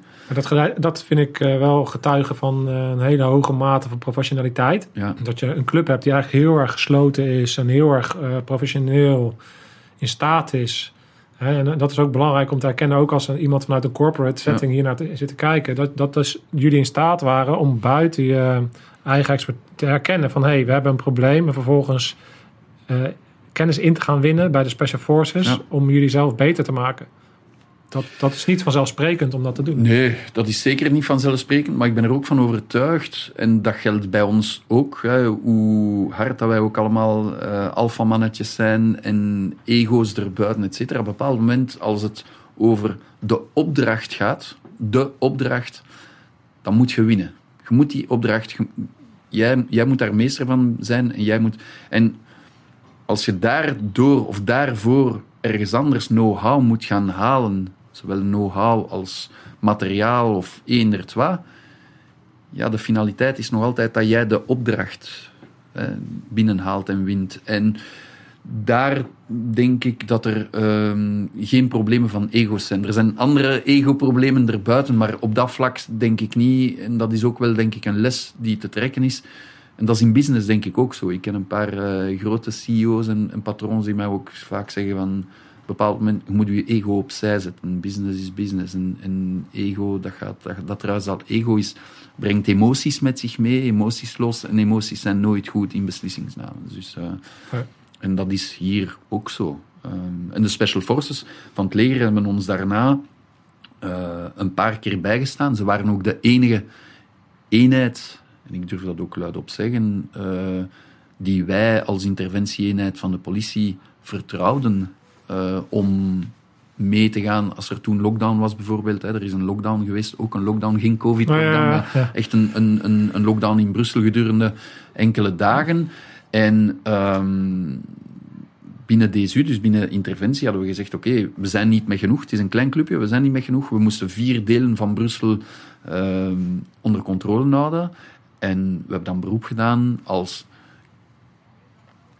Ik kan niet zeggen backup, maar als bijkomende uh, steun de Special Forces die dan nog eens snipers, een sniper meegaf, een medic en een breacher. Daar ja. waar dat wij dat ook hebben, maar dan konden we onze snipers en medics en breachers inzetten als assaulter. Ja. Dus zij kwamen dan mee in de kolonne.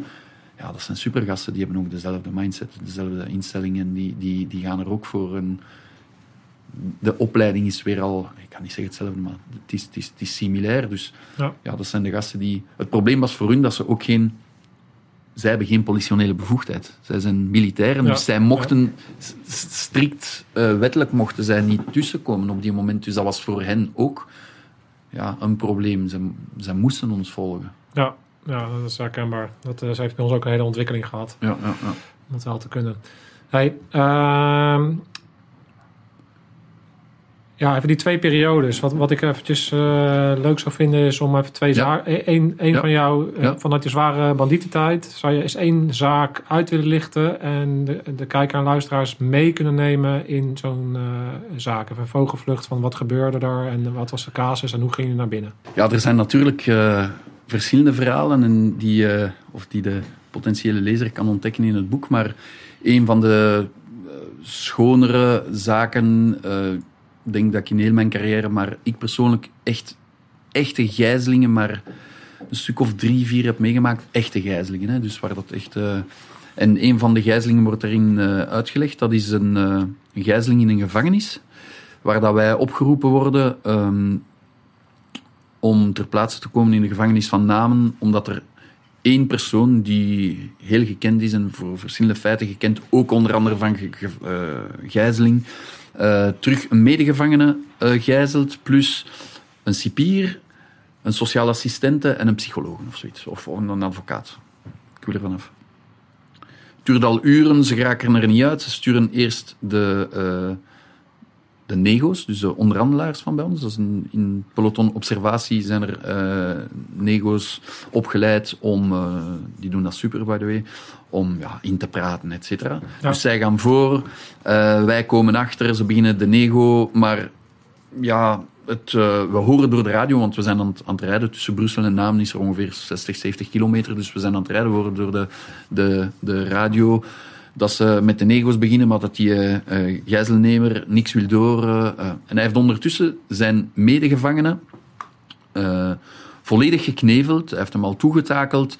Het ziet er zwaar uit. We horen ook, de psychologen is ook ter plaatse van bij ons, met de nego's. En we horen door de radio dat het ernstig is. Je hoort vaak aan de stem van de mensen door de radio oké, cool down of eh, gas, tandje bijsteken. En hier was het, ja, het, het, het, werd alleen maar erger. Het was crescendo aan het gaan. Dus. En we komen toe op de parking van de gevangenis en uh, een van de nego's uh, vraagt door de radio een prioriteit, prioriteit. Iris, kom alsjeblieft naar binnen. Hij is zijn medegevangene aan het, uh, aan het wurgen, aan het, aan het doodwurgen. Dus ja, echt, we komen letterlijk op de parking, dus we, we hebben geen tijd om ons materiaal te nemen. Je hebt gewoon je dienstwapen, je loopt naar, allez, we lopen naar binnen, mijn ploeg loopt naar binnen.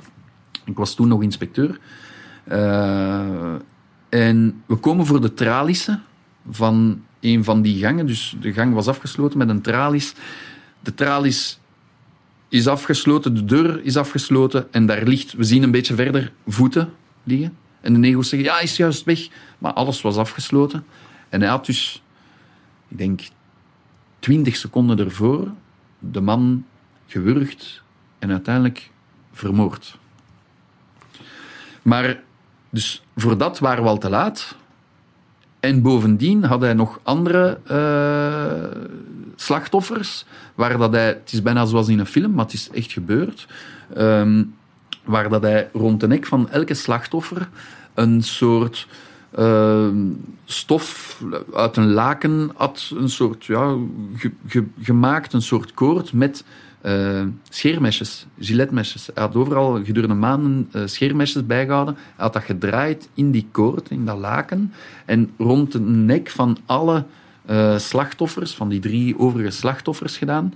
En hij kon dat dus van op afstand trekken. En hij was aan het dreigen van, als jullie naar binnen komen, dan trek ik en dan worden ze waarschijnlijk, ja, gaan ze doodbloeden. Dus daar, oh, stop. Ja, die man die ligt daar dood. Spijtig, we zijn te laat, maar dat is voorbij. Komen terug donderhandelingen. Um, hij wil niks horen, dan wil hem, dan, hij wil ook niemand uh, loslaten. Hij wil een auto, enfin, bijna echt zoals in een film. Hè. Hij wil een auto, een, een snelle Mercedes met nog eens een 9 mm en whatever, 300.000 euro cash binnen het half uur of binnen het uur want anders gaat hem uh, voor één de slachtoffers. De nego's doen hun job, ze proberen tijd te reiken, ze proberen in te praten. Ondertussen worden de ploegen uh, geplaatst.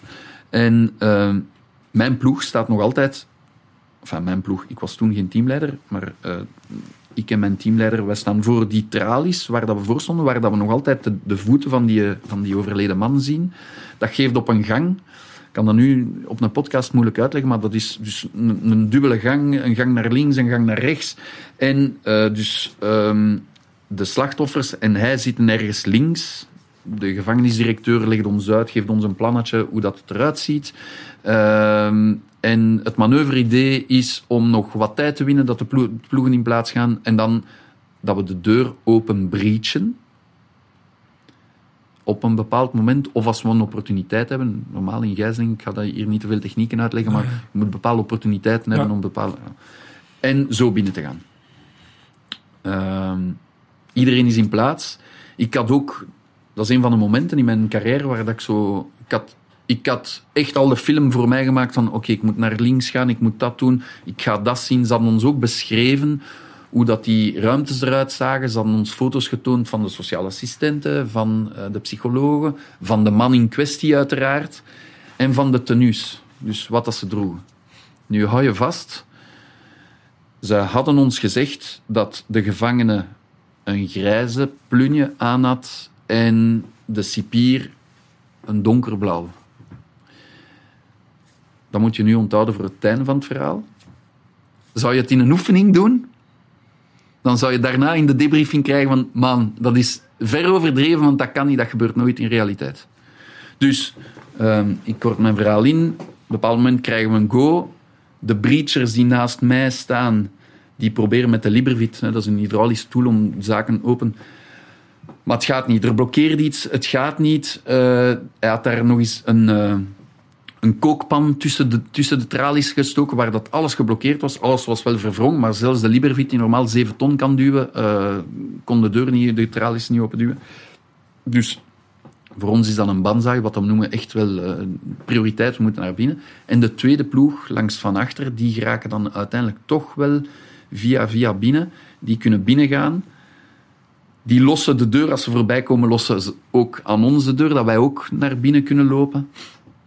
En we vallen dan op een boel mensen die in een klein bureautje zitten, die aan het roepen zijn, want ondertussen hebben ze gehoord dat we gaan binnenvallen en politie aan het roepen zijn, et cetera. Dus iedereen is in paniek. Ze waren ook... Ja, dat ben ik vergeten. Een van die slachtoffers had nog altijd haar gsm. haar telefoon op zak en die belden af en toe of die stuurden een sms van, die bleef soms zelfs in open lijn, te zeggen van, hij gaat ons doden, luister. En hij zei het ook. Dus hij wist niet dat hij afgeluisterd werd. En hij zei, oh, in het Frans, ik ga jullie allemaal doden en als het hier niet snel genoeg gaat. Dus het was echt, die, die druk was zo hoog, zo groot. We dachten echt, want hij had al iemand gedood een half uur ervoor. Ja, hij gaat het nog doen. Dus we krijgen de go, we mogen naar binnen. En we komen in dat kamertje en daar zit... Ik ben de tweede ploeg, dus ik, ik kom al als de actie begint. En ik zie in mijn ogen twee vrouwen aan het roepen en aan het doen met een één of twee collega's bij. En dan twee mannen, waarvan dat ze één aan het... Ik ga niet zeggen aan het toetakelen zijn, maar ja, gelijk leven op een, hè, op een gazelle, eh, ja, dat is hem. En wat had de man, de gijzelnemer, gedaan? Hij had de eh, vestimentaire, de jassen veranderd tussen hem en de cipier. Dus de eerste ploeg was verkeerd, zo gezegd, en had in allerijl en de sp- de spoed dat er zat, had ehm, de verkeerde gast vast. Want dat heeft dan maar een paar seconden geduurd. En dan zeiden, waren de slachtoffers aan het roepen van nee, nee, het is hij niet, het is hij. Want die leken bovendien nog eens heel fel op elkaar. En toen dat de eerste ploeg binnenkwam, dat was achteraf eh, gebleken uit de debriefing, op ene keer had die cipier in zijn hoofd eh, vastgehouden om te beginnen te vechten met de gijzelnemer. Dus ja, dat allemaal bijeen heeft gemaakt dat de eerste ploeg de gedurende een paar seconden de verkeerde gast vast had. Ehm, dat is dan heel snel rechtgetrokken geweest, maar je moet je dan inbeelden dat als je echt geconditioneerd zou zijn en dat ze zeggen van ja, je hebt groen licht, hè, als er wettige verdediging is, dan mag je hem afknallen. Dan knal je wel de verkeerde af. Allee, verkeerde tussen haakjes, omdat er ja, alle, alle zaken zijn er om u te doen geloven dat het man A is, maar het is ten andere. Dus dat was, dat was voor, en zeker voor mij, want ik was aan de tweede ploeg en ik had alles gevisualiseerd. En voor mij was dat echt een, een, een wake-up call. Van, fuck, hoe zou ik gereageerd hebben? Of hoe zou ik het gedaan hebben?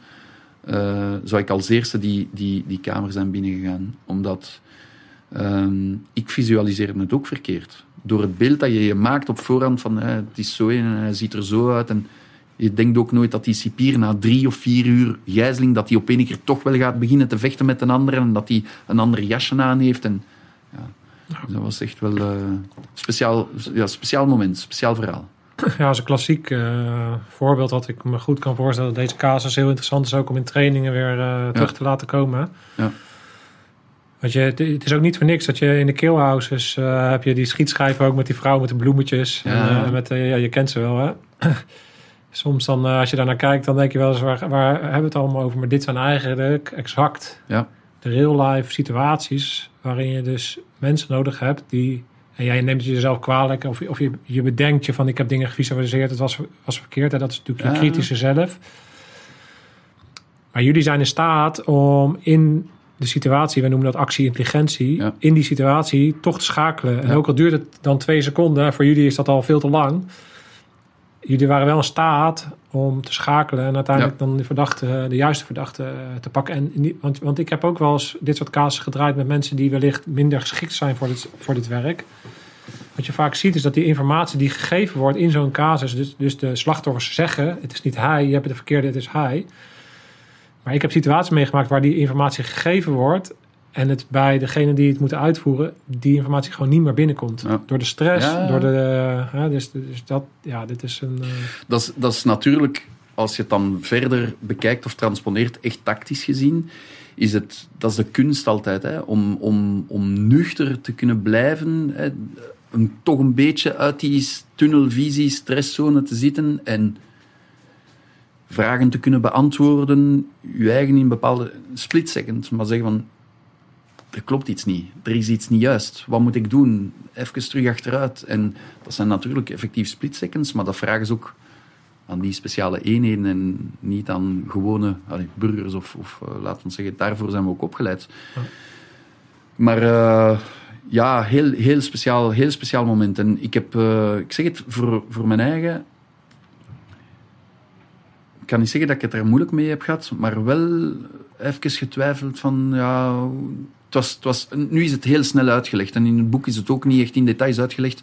Maar dat was een heel rare opdracht, waar dat we daarna allemaal een beetje perplex stonden van, really? Allee, ik zeg het, als je dat in training doet, dan gaan ze je uitlachen en zeggen, wat heb jij uitgevonden? Allee, ja, dat kan gewoon. En zo obvious. En, allee, obvious, of juist niet. En ja, echt... ehm, Ja, dat doet wel wat, wat met je. ja, omdat je.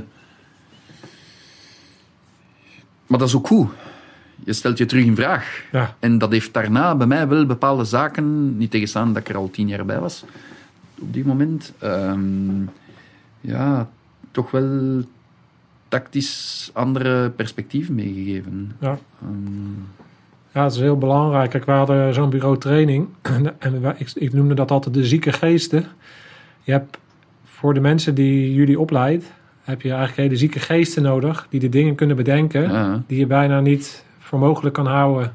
Ja. Omdat je continu, omdat het, ja, vaak is het, soms is het echte leven eh, nog gekker dan een film. ja, ja, ja, ja, dat, dat was nu echt een van de, van de opdrachten die eh, ja, toch wel de, de realiteit voorbij ging. Ja.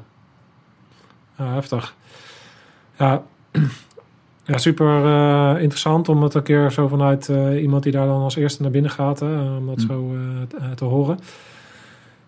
Wat ik even wil doen is ehm, de overstap maken naar de terreurjaren. Ehm, nou ja, we hebben het globale plaatje al een beetje geschetst. Hè, dus de overgang, nou, dit is ook een hele heftige zaak natuurlijk, maar dit soort zaken draaide je dus al, al 12, 13 jaar eh, binnen de club. En toen kwam 2015. En eh, om mensen heel even terug te nemen naar die tijd. Dat is inmiddels natuurlijk ook alweer vijf jaar, zes jaar geleden. Eh, ISIS was natuurlijk actief. er waren inderdaad... de terreur begon toe te nemen. Er zijn in Nederland eigenlijk drie eh, belangrijke incidenten geweest. Dat is eh, Charles eh, Hebdo, Mm. ehm Bataclan en Zavel- Zaventem. Ja. Even die grote, Ja, ja, ja. de grote items even eruit gehaald. In, in een vrij korte tijdsbestek. En jij zat daar middenin. Mm. En ehm, kan je soms meenemen naar dat, naar dat moment dat jullie eigenlijk... ehm eh, want de eerste was... Eh, Wij, wij hadden dus voor die drie grote zaken, en effectief dat zijn de highlights, maar wij hebben dus ehm, een paar dagen na Charlie Hebdo in Frankrijk, dat was dan begin 2015, januari 2015, hebben wij Verviers gehad. Dus de stad van Verviers is een klein stadje tegen de Duitse grens in België, waar dat er ehm, ook een uh, terroristische cel is ontmanteld geweest. Dat was een dossier oorspronkelijk van buitenlandse intel met de staatsveiligheid bij ons, die dan naar de terroronderzoekers zijn gegaan, hebben van fantastisch werk geleverd en dan uiteindelijk heeft het observatiepeloton uh, de opdracht moeten overnemen gedurende een paar weken. En dan kwam het concreter. Dan, uh, dan er waren drie plaatsen waar dat ze mogelijk uh, zouden zitten en iets doen. Zijn er uh, twee in Brussel en één in Verviers. Uh, lang verhaal kort, dat waren twee retournees die letterlijk terugkwamen van Syrië, die via de vluchtelingenstroom terug Europa waren binnengekomen via Calais. De ene was dan via Frankrijk binnengekomen, de andere via zelfs waarschijnlijk Holland, Nederland en dan zo Duitsland, terug Bel België binnengekomen om toe te komen in Verviers. En de Intel zei dat die twee mannen, twee en misschien nog een ander, iets zouden doen. Uh, echte retournees, niks meer te verliezen.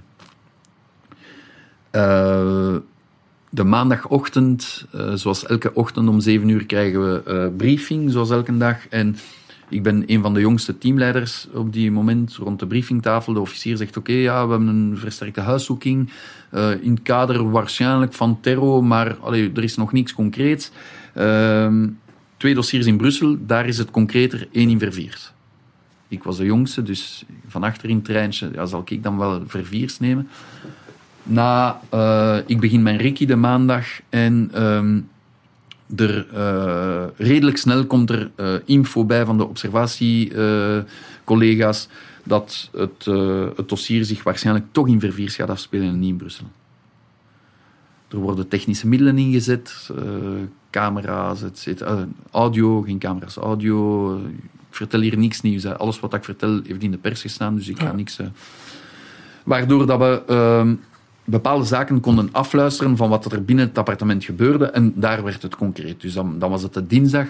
Hè, maandag krijg ik het dossier. Dinsdag zeggen ze van oké, eh, we horen op de audio dat die gasten die zijn zwaar bewapend. We denken zelfs Kalashnikov aan de schuiftoren als ze aan het zijn. Ze zijn in het Arabisch bezig tegen elkaar. Dat ze, als je voetstappen ziet onder de deur om, of vijf uur s morgens wat licht, dan moet je door de deur schieten. Eh, dat waren ze tegen elkaar aan het zeggen. Oké, dus het dossier laait op. Ehm, alle krachten worden gebundeld, om een arrestatie of een verstrekte huiszoeking uit te voeren op dat pand in Verviers. Brussel wordt, komt in tweede fase.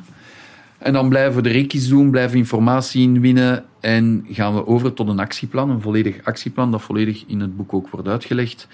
En donderdag, eerst hebben we een, eh, een eerste eh, startschot de woensdag namiddag, maar dat wordt redelijk snel afgeblazen. En dan de donderdag hebben we eh, een go, dus moeten we naar Verviers rijden in kolonne.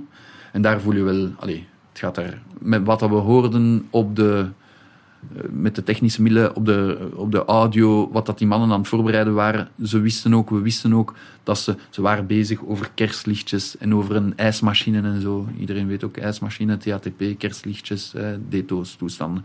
Dus het ging, het ging die richting uit. Dus het was concreter en concreter aan het worden. We rijden in kolonne naar een, eh, een eerste bestemmingspunt in Verviers. Dat was de, de, de verlaten gevangenis van Verviers. Daar zitten we. En dan rond eh, drie uur in de namiddag zegt... Ik, ik, ik, ik, eh, ik overvlieg alle details, want anders gaan gaan we te, er te ver in gaan. Maar eh, zegt het federaal parket van... Oké, je moet tussenkomen. Er is ook een dansschool naar, naast dat pand, waar dat kinderen naartoe gaan om eh, zes uur s'avonds. Dus jullie moeten tussenkomen voordat de dansschool open gaat. Ook s'avonds, niet 's morgens, want morgens waren ze, ze zetten echt de wekkers 's morgens om vier uur om te wachten, om te zien of dat wij niet om vijf uur kwamen aankloppen, et cetera. Dus ja, we gaan tactisch hadden we ook afgesproken, we gaan s'avonds binnenvallen, of in de late namiddag. en eh, ja, daar opeens, we hadden dan ook gedurende die voorbije dagen geoefend, eh, maquettes gemaakt om te zien hoe dat we zouden binnengaan, wie, waar, eh, verviers. Ik had toevallig de leiding, enfin de leiding, het dossier vast eh, om het zogezegd tussen aanhalingstekens te leiden, maar het is wel algemeen besproken geweest, alleszins met de teamleaders en de officieren.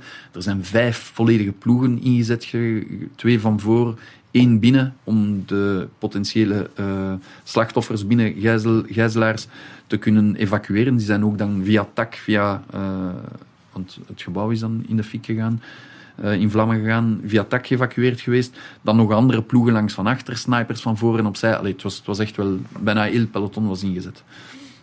En we krijgen dus de go. En de kolonne gaat. De snipers waren al eh, in plaats. Eh, de ploeg binnen, die waren nog niet in plaats, maar de ploeg van achter was in plaats. En dan, ja, dan moet je gaan. Hè. Dat is zoals in het zwembad als je geblinddoekt. eh want je weet, je weet dat het gaat gebeuren, maar daar, is, daar kan je niet zeggen van... Oh, oh, tegen je chauffeur in de camionet, in de stelwagen. Nee, nee, we gaan het niet doen. Of ik wil niet. Of... Ja, dan moet je gaan. En wat maakt je sterk? Ja, de skills die je hebt of denkt te hebben. De groep, dat iedereen samengaat. Ik weet dat al mijn collega's sterker zijn dan ik. Allee, ik bedoel, qua skills dan, niet fysiek. Dus dat, dat maakt dat je naar dus naast de dood gaat. Hè. Je weet sowieso dat, er, dat, er, dat het hevig gaat worden. En dan komen we daartoe. ehm, de breachers, dus aan de voorkant, mijn ploeg aan de voorkant met een andere ploeg. We, op de go van de officier zetten we eh, explosieven op de ramen. Lichte explosief, ik denk eh, vijf- 15 grammen cordet. De ramen ontploffen. En we hebben nog niet politie geroepen of we worden onmiddellijk beschoten. Achteraf gebleken en gezien eh, hadden die mannen achter hun geblindeerde ramen en gordijnen een GoPro gezet. Dus die hebben ons waarschijnlijk zien aankomen. Uitstijgen, hebben we dat tactisch natuurlijk gedaan. Het werd donker, maar ze hebben ons waarschijnlijk op een bepaald moment zien aankomen. Dus ze waren aan het wachten. En toen dat die ramen ontploft zijn, Dan heb ik nog een eh flashgranaat binnengegooid. En ondertussen waren ze al op ons aan het schieten. Dus ja, er, er was geen... Dat is een point of no return. Als je dat... f- Je, je voelt direct dat het een andere opdracht wordt als ervoor. Dat is niet, dat is niet zomaar even schieten en zich overgeven. Dat was echt eh, ja, de volle laders, Kalashnikovs. Eh, ik als teamleider, ik heb de twee gasten voor mij die direct riposteren, direct beginnen te schieten. Voor mij was het niet duidelijk, want ik heb twee heel grote gasten voor mij. Ik ben een meter 81, maar dat was dan nog eens met helm en al erbij. Twee gasten van een meter 95 of zo, dus ik zag niet veel. Ook het, het raam was niet super breed, dus ik moest, ik moest even zien van waar dat kwam. En dan ondertussen hoorde ik dat de snipers en de ploeg van achter op het platdak ook aan het schieten was richting badkamer. Dus dat daar ook iets aan het gebeuren was. Ehm, na een minuut of zo krijg ik bericht door de radio dat de ploeg van achter één man heeft uitgeschakeld. Richting badkamer, slaapkamer. Maar van voor blijft het voortgaan. En je, je voelt dat ook in een opdracht, als je wat ervaring hebt, voel je onmiddellijk of dat je overhand hebt of niet. En dat heeft niks met schieten te maken of niet. Je voelt direct, met- uit ervaring voel je vaak of dat het goed gaat verlopen of niet, of dat je impact hebt op de tango's of niet. En hier, ja, we werden beschoten en het stopte niet. En ik had, allee, we hadden zoiets van, ja, deze kan niet. Een officier stond juist achter mij, bekijk hem, en hij vraagt dan direct eh, versterking. De versterking in het manoeuvre-idee was een eh Rafael-granaat. Ik weet niet of dat je dat kent. Dat is een, eh, zo met een, dat is een Israëlische makelij. Dus dat is een granaat op een, dat, je, dat je op een, een, een, een aanvalsgeweer, een oorlogswapen 40 mm. ja, dat is geen 40 mm. Het is echt een, een soort granaat met een, met een staaf aan. En die staaf die dient in feite, die is ontwikkeld om ehm, ramen die gebarricadeerd worden door paletten of zo, om door die palet te geraken. En, en Daarna dat- pas ontploffen. ja, en dan pas ontploffen. Ja. Daar gaan we op neer. Wij hadden dat niet. Dus we hebben versterking gevraagd aan de GIGN toen. Omdat we dat voorzien hadden, dat, vermits dat die mannen retournies waren en dat die misschien in dat tactisch scenario zouden zitten om hun ramen te barricaderen, hadden we dat gevraagd in backup.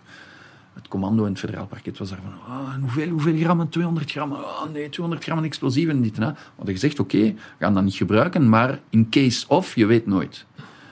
Eerst was dat not done, hè, toen we die briefing zijn gaan presenteren, de dag ervoor, van we gaan dat zo doen. Oh, zot. Kan niet. Ja, nee, kan niet. De anekdote wil zelfs dat ze een van de hogere directie gezegd heeft, ja, maar zou je dan gewoon niet de hond binnengooien? De? Zo, Echt waar, echt waar. Ja. Van, eh, allee, dat je dan zoiets hebt van, mannetjes. Bon, achteraf is het altijd gemakkelijk om te zeggen, het is zo geweest of zo geweest. Dus mijn officier vraagt dan een eh, versterking, vraagt een go vanuit het, eh, het commandocentrum in Brussel en eh, ter plaatse. No answer, geen dings niet meer. Die waren zo onder de indruk, want ja, ik was ook aan het praten door de radio, terwijl dat mijn mannen juist naast mij aan het schieten waren, dat ze binnen aan het schieten waren, dus die waren... Allee, niemand... Dus dan is de, de go gekomen, mijn officier heeft dan goed zijn verantwoordelijkheid, de topofficier, de verantwoordelijkheid genomen en gezegd tegen de sniper, oké, go, Gaan. Schieten. En eh, chapeau voor de mannen van de GIGN, want een eh Rafael-granaat moet maar opzoeken, dat is niet zo accuraat. Dus dat wordt vastgezet, vastgevezen, denk ik. Zou moeten vragen aan een echte sniper. eh, op het wapen. En dat is niet zo accuraat, omdat het niet met een lens wordt geschoten. Het is echt eh, een mechanisch orgaan. Ja, ja, ja. ja. En die zaten 70 meter verder. Ze moesten door een park schieten met bomen. Het was donker. En begon al te smeulen, want mijn handgranaat, alleen mijn eh, flashgranaat was dan in de sofa gevallen. Dus eh, heel moeilijke omstandigheden. Dus hij schiet de eerste. En ik weet nog, de eerste ontploft juist op de betonnen balk, juist boven, de, boven het eh, raamkozijn. Maar er juist boven dat. 200 gram explosieven, je kent het. In een straat, wij stonden op juist achter de geparkeerde voertuigen, want dan zeg ik, oké, we gaan achteruit, dekking. Hè. En dat explodeert misschien op 7 meter van ons. Een vuurbol. 15, 20 meter breed gedurende. Zelfs door de helm en door uw pak voel je echt zo die, die warmte en die dingen. En dan was het even stil binnen. dan schoten ze even niet meer, maar er gebeurde niks. Ja, wij, zagen, wij zagen echt binnen. Er zijn beelden van YouTube op, maar dat is dan verder in de actie. Ehm, En dan vraagt de officier een tweede schot. Serraté, gemist. Tweede schot. En dan... Het was zo stil. Echt, het was vijf, uur- uur, in de namiddag en je hoorde... Ja, en dat was er, dat was er los op. Allee, los in. In, in het appartement. Ja, 200 grammen in een, in een living zo groot als deze. 4 op 3 of zoiets. Met een keuken aan en dan van achter dinges. Ja, inferno. Alles ontploft. Plafond naar beneden. Vlammenzee. Allee, whatever. En dan denk je van... Dan voel je het weer. Van, oké, nu hebben we terug de overhand. Nu, nu, nu, nu, kunnen, nu kunnen we terug praten. Dus... eh, we gaan terug naar voren. Hè. We waren dan even achter, gaan schuilen achter de auto's. We gaan terug tegen de, over het voetpad, een meter en een half. We gaan terug. En daar, opeens wordt er teruggeschoten op ons. Dus die gast die, je- die binnen niet zat... verwacht. Nee, Nee. nee, dat hadden we echt niet verwacht. Ja, als je, ja, dat is zo'n knal. Allee, ja, dat is zo een blaast ook. De mensen daarna zeiden op de, op de radio en op televisie van we dachten dat er een aardbeving was. Ja, dat alles, alles knalt. In zo'n kleine ruimte, 200 gram, dat is gigantisch. En opeens wordt er terug op ons geschoten. Dus we waren echt wel, stonden echt perplex van, deze kan niet. En dus daar zeggen mijn nummer 1 en mijn nummer 2 van, ja, we, we denken hem te zien. Ze zagen de, de mu- muscle flash, dus door, door de rook en de vlammen en achter de zetel en toestand. En dan zijn ze, is er terug een, een vuurgevecht ontstaan. Eh, en hebben ze hem uiteindelijk, ik denk toch nog na 30 of 40 seconden, hebben ze hem, hebben ze hem eh, pas kunnen echt eh, raken. Het probleem was ook... Want, want waar, stond jij dan precies? Een ploeg wordt bij ons samengesteld, een organieke ploeg. Een, twee, voor, twee voor de teamleider. Teamleider is nummer drie. En dan nummer vier, nummer vijf. Dus twee, twee paardjes, zogezegd. En dan, en dan daarachter nog eventueel eh, twee breachers of het een of ander. Dat was ook het geval daar. Mijn ploeg, dat was eh, zeven man. En dan het andere raam aan de voorkant, alfa-kant, ook zeven man. En dan zo, et cetera. Maar dus, ik had wat dat wij noemen één binome, dus één paar voor mij. En ik stond als nummer drie, maar ja, als teamleider moest ik ook coördineren tussen officier, de andere ploeg, zien wat er binnen gebeurt. En dat was vermits dat dat tactisch een, ehm, een redelijk statisch ding was. Hè. Wij stonden buiten op het voetpad, hè. Ja, ja, ja. binnenkijkend. Ja, wij hadden een, ik kan niet zeggen een comfortabele positie, verre van. Maar ehm, mijn twee gasten voor mij, die stonden achter de betonnen muur en achter de gevel. Dus die konden wel, die hadden een goed zicht binnen en toch relatief, enfin, relatief gedekt. Ehm, en ik stond daar nog, nog achter. Ja. Ja, het is, het is sowieso, het is, het, het, indrukwekkendste, even wake-up call gedurende een half seconde was van, oké, de ramen ontploffen, we laten ze ontploffen. Er wordt direct op u geschoten. Je ziet, want ik stond niet in de raamopening, en mijn collega's stonden daar, dus mijn eerste plus van de andere ploeg voor het andere raam. En je ziet direct de, de, de stukken, fragmenten stenen van, van rond de ramenkozijn en plastieke stukken van de ramenkozijn die ro- rond, rond ons hoofd vlogen. En dan dacht je van, oké, het is hier even wakker worden. Het is, het is van dat. En dan ben je terug bezig in, in focus. Die twee gasten, allemaal, iedereen heeft daar super gewerkt, maar ja, die, die, die twee gasten voor mij, die zijn daar in die opening gebleven, wel verscholen, maar in die opening, die hebben constant zicht gehad op wat er binnen gebeurde. Die hebben tactisch ongelooflijk gewerkt. Allee, ik, ik was daarvan enorm onder de indruk. En dat was voor mij, na pas 13 jaar, we hadden van alles meegemaakt. Gijzelingen, verschansten, geldneerlingen, achtervolgingen, eh, whatever. De zwaarste gangsters van Benelux achtervolgd, gepakt en al. Maar deze was oorlog. Dat was anders. Dat was, we hebben daar gedurende vijf minuten heen en weer zitten schieten, granaten, twee Rafael-granaten binnengeschoten. Allee, dat, was, dat was echt ja, zoals in Afghanistan of in Irak of whatever. Dat was, en dat was een totaal ander operationeel concept ook. Ehm, nu, tijdens, tijdens het gebeuren besef je dat niet. Want de opdracht is de opdracht, wat ik u daar net zei. Dat is het eerste. Dat de opdracht moet uitgevoerd worden. En dan pas... Maar daarna kwam er even een, eh, een tactische ontnuchtering van... Oké, we hebben top gewerkt. We hebben een goede basis. We hebben ook heel veel ervaring en zo. Maar we gaan ons toch moeten aanpassen in de toekomst om... eh, dergelijke zaken misschien ook. eh, en niet alleen qua tactieken, maar ook qua materiaal. En vanaf dan zijn er ook heel veel beloftes gekomen op ministerieel vlak en toestanden van eh, we gaan daar geld in pompen. En ja, we zagen ook dat de ballistiek van bepaalde wapens bij ons niet 100% waren. Nou ja, dat is, dat, dat is ook wel waar we ook mee begonnen, de podcast. Eigenlijk de reden dat je zo'n boek wil schrijven, Ja. is omdat jij hebt daar middenin gezeten. Ja. En op het moment dat je nooit het verhaal vertelt van jullie,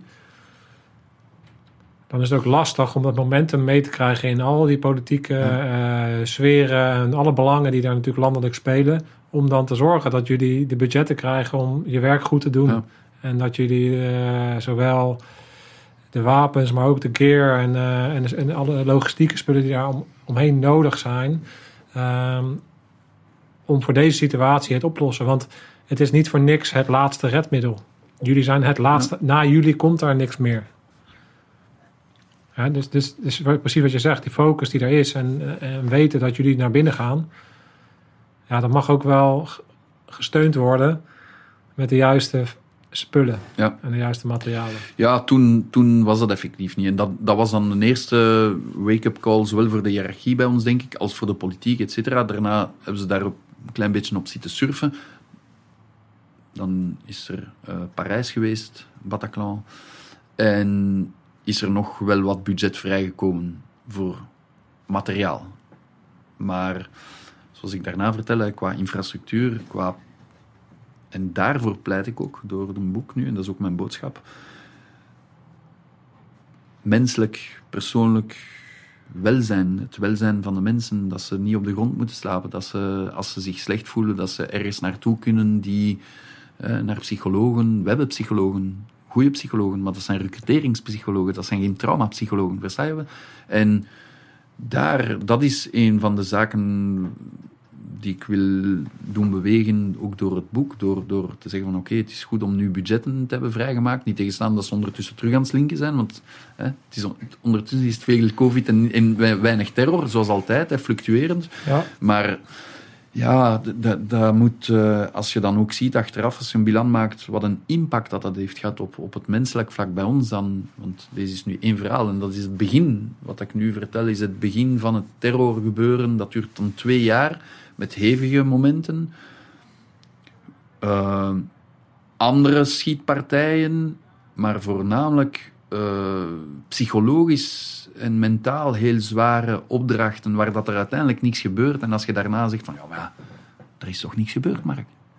Ja, nee, maar ik, was wel, ik zat wel in een situatie waar dat ik weer al dacht voor de achtste keer op rij dat ik eh, in Vervier zat en dat ik deze keer misschien wel iets ging pakken. Versta? Want ja, die, die informatie die bleef maar binnenkomen en die, die dossiers dat bleef maar binnenkomen. En nu, ja, en ze vergeleken al, allee, vaak met Verviers of vaak met andere zaken. Dus dat wordt een beetje een mindfuck, hè. Van, je gaat telkens opnieuw naar iets waar dat je niet zeker bent dat je terugkomt. En je doet dat dan ook wel. Omdat je dat wilt. En omdat je daarvoor opgeleid bent. En omdat je, zoals je zei, het ultima ratio bent. Je kan als eenheid niet zeggen van, ik doe dat niet. Wie gaat het dan doen? Niemand doet het. Dat klinkt zo heldhaftig, maar daar komt het in feite op neer. En je moet het doen. Maar dat achteraf gezien, en dat heb ik op het moment niet beseft, maar achteraf gezien heeft dat zijn tol geëist voor mij, denk ik, eh, mentaal.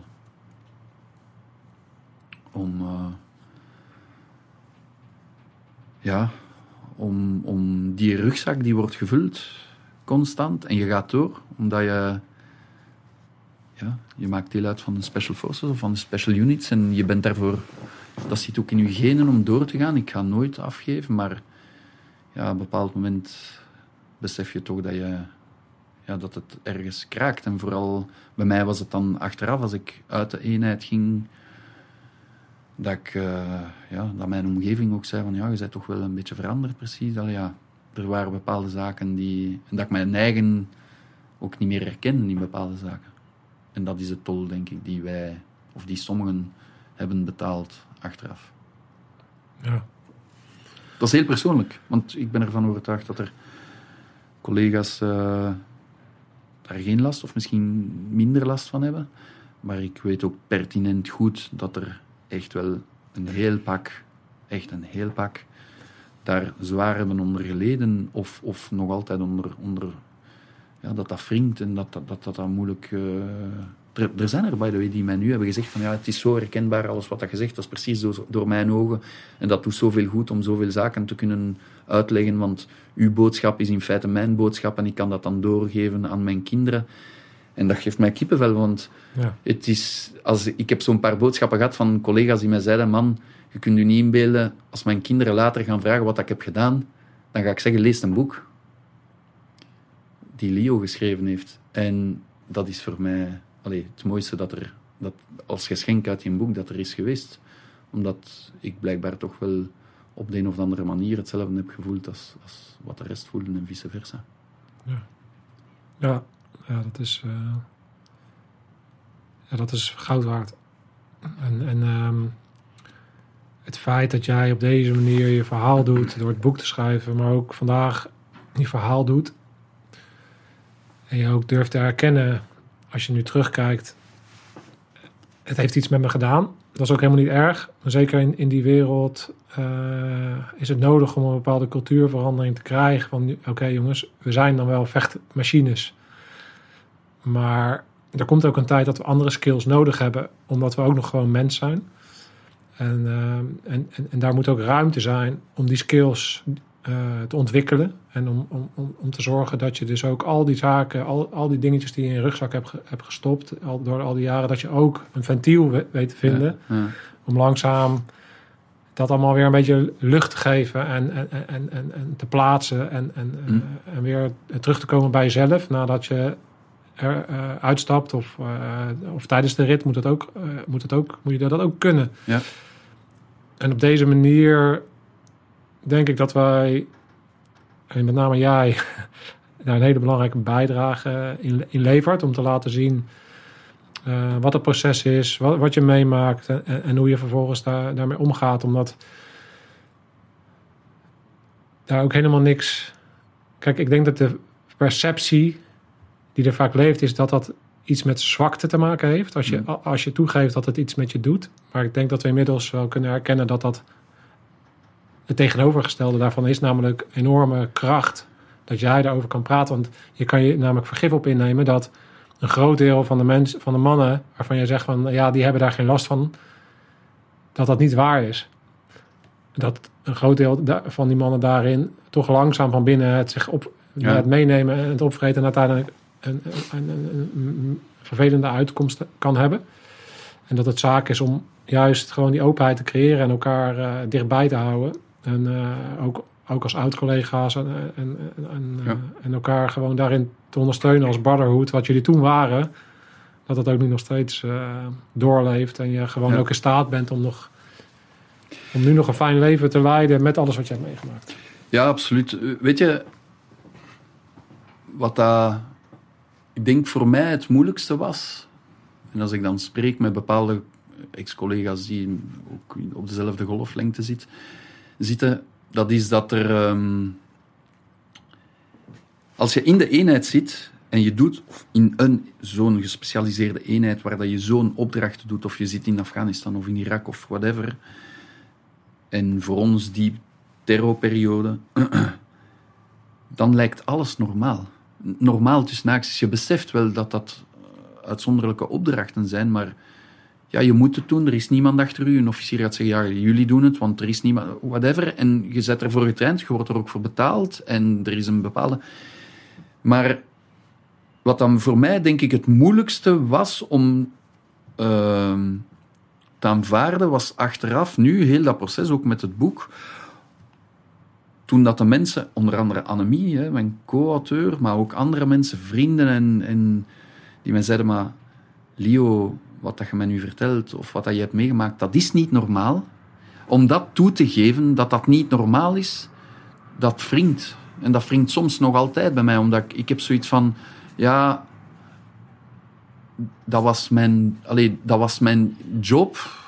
En dat heeft niks met, eh, nogmaals, hel- heldachtige, eh, zaken te maken, of dat ik mij beter voel of het een of ander. Maar voor mij was dat normaal. Dat was, dat was iets, ja, dat was normaal dat wij op de grond sliepen. Dat was normaal dat wij zo'n opdrachten hadden. Dat was normaal dat er iemand kon doodvallen voor u en dat jij erover moest stappen en toch de opdracht uitvoeren. Maar in feite is dat niet normaal. Je wordt daar wel voor geselecteerd en iemand moet het doen. Maar ja, dat, dat in, in, die, in die context. ehm, en nu kan ik dat meer toegeven, dat het, dat het misschien uitzonderlijk was wat dat we hebben gezien en meegemaakt. En dat dat ja, niet normaal was. En dat het normaal is dat je je soms slecht voelt of, of dat je begint aan zaken te twijfelen. Maar ja, ik heb daar heel, heel lang lastig mee gehad om, om dat toe te geven.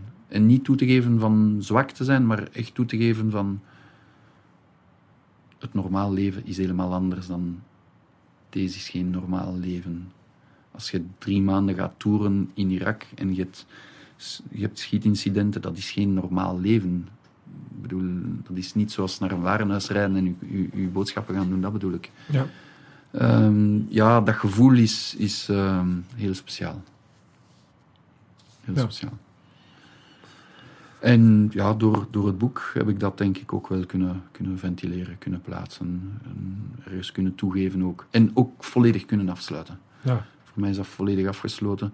Zoals nu, eh, ze zijn aan het jagen op, eh, op de paracommando ergens in de bossen met de Hollandse collega's en de Duitse collega's. Je hoeft er niet meer bij te zijn. Nee, Nee. nee, ik heb daar totaal geen drang. Ik vind dat fantastisch en, en tof. En ik heb af en toe een WhatsApp-berichtje van een collega en eh, mannen en een beetje zeveren. En, maar ik heb daar echt, maar echt, echt geen nood meer aan. Niks aan iets anders. Ja. Wil dat dan zeggen dat ik het niet meer zou doen? Ik zou het direct terug doen. Onmiddellijk. Ja. Maar Ja. achteruit in de tijd gaan. Nu niet meer. Ja, ja mooi, mooi gezegd. Eh, eh, om een beetje richting, eh, de, richting de afsluiting te gaan. Want ik denk namelijk dat ik met jou nog ongeveer een week in gesprek kan zijn. Dat zou ik ook heel graag eh, eh, willen. Maar voor de, voor de kijkers en de luisteraars, die hebben nu een inkijkje gekregen in jouw, eh, in jouw verhaal. Ik zou vooral zeggen van, ja, wat je ook doet, bestel dit boek. Ik, zal, ik ga er ook nog twee weggeven, dus hou dat ook op mijn socials even in de, in de gaten. Maar bestel het boek en dan lees je al die zaken eh, van dichtbij. En eh, lezen is ook wat mooi daarin, hè? want eh, als je leest, dan krijg je ook al die details. En dat heeft Annemie natuurlijk fantastisch opgeschreven. Een prachtig document. En wat ik ook heel erg mooi vind, en daar wil ik eh, richting afsluiting, is dat ik ken natuurlijk binnen die wereld, ik ben daar zelf ook onderdeel van, heel veel scheidingen. En we bespreken vaak hoe belangrijk het thuisfront is. Wat ik heel mooi vind, is dat jouw vrouw, Celine, heet zijn boek, ehm, ja, genoemd wordt. En dat jullie nog steeds bij elkaar zijn. En eh, eh, dat jullie, ja, dat, dat, dat is natuurlijk allereerst belangrijk, omdat achter elke man die, eh, die dit soort werk doet, zie je vaak. Hm. Is denk ik heel belangrijk om, om iemand te hebben die dat steunt. Want anders kan je dat gewoon niet doen. Niet doen. Dus dat wil Ja. ik toch even nog benoemen. Dank u. Ja, dat is voor mij ook heel belangrijk. Ja, ja. Ja. Nou, top. Eh, Leo, het was voor mij ja, geweldig om met jou in gesprek te gaan. Ook omdat ik hetzelfde effect heb. Is, eh, ik heb lang niet zulke dingen meegemaakt als jij. Ik heb wel natuurlijk binnen de, binnen, de- binnen de eenheid, een vergelijkbare eenheid gediend. En ik ken het soort mannen wat, eh, zoals jij, om het maar even zo te zeggen. En ik heb daar ook altijd heel veel bewondering voor gehad. Net zoals dat jij ook eigenlijk de bescheidenheid zelf bent om te zeggen van die twee gasten die voor mij staan, hoe geweldig ze het hebben gedaan. Maar jij natuurlijk daar binnen die situatie ook geweldig hebt gewerkt. Maar je dat nooit over jezelf zou zeggen. Nee. Ehm, ja, ik vond het ehm, bijzonder omdat het voor mij ook weer even een, eh, terug was in de tijd en eh, over, over die eenheid. En ehm, ja, dus bedankt eh, dat, je dat je deze stap hebt gezet en dat je die bijdrage hebt geleverd. En ik weet zeker dat dat heel veel mensen raakt en heel veel, heel, van heel veel waarde is. En ik wens je heel veel sterkte en succes en wijsheid ook in, in, in het nieuwe avontuur waar je nu in zit. Hè. En eh, blijf vooral dicht bij jezelf. En ja, ik denk dat je dat doet door, door de dingen goed op te ruimen en te erkennen waar je wel niet last van hebt en waar je mee verder kan en, en hoe je verder wil. Dus eh, ik wens je daar heel veel succes bij.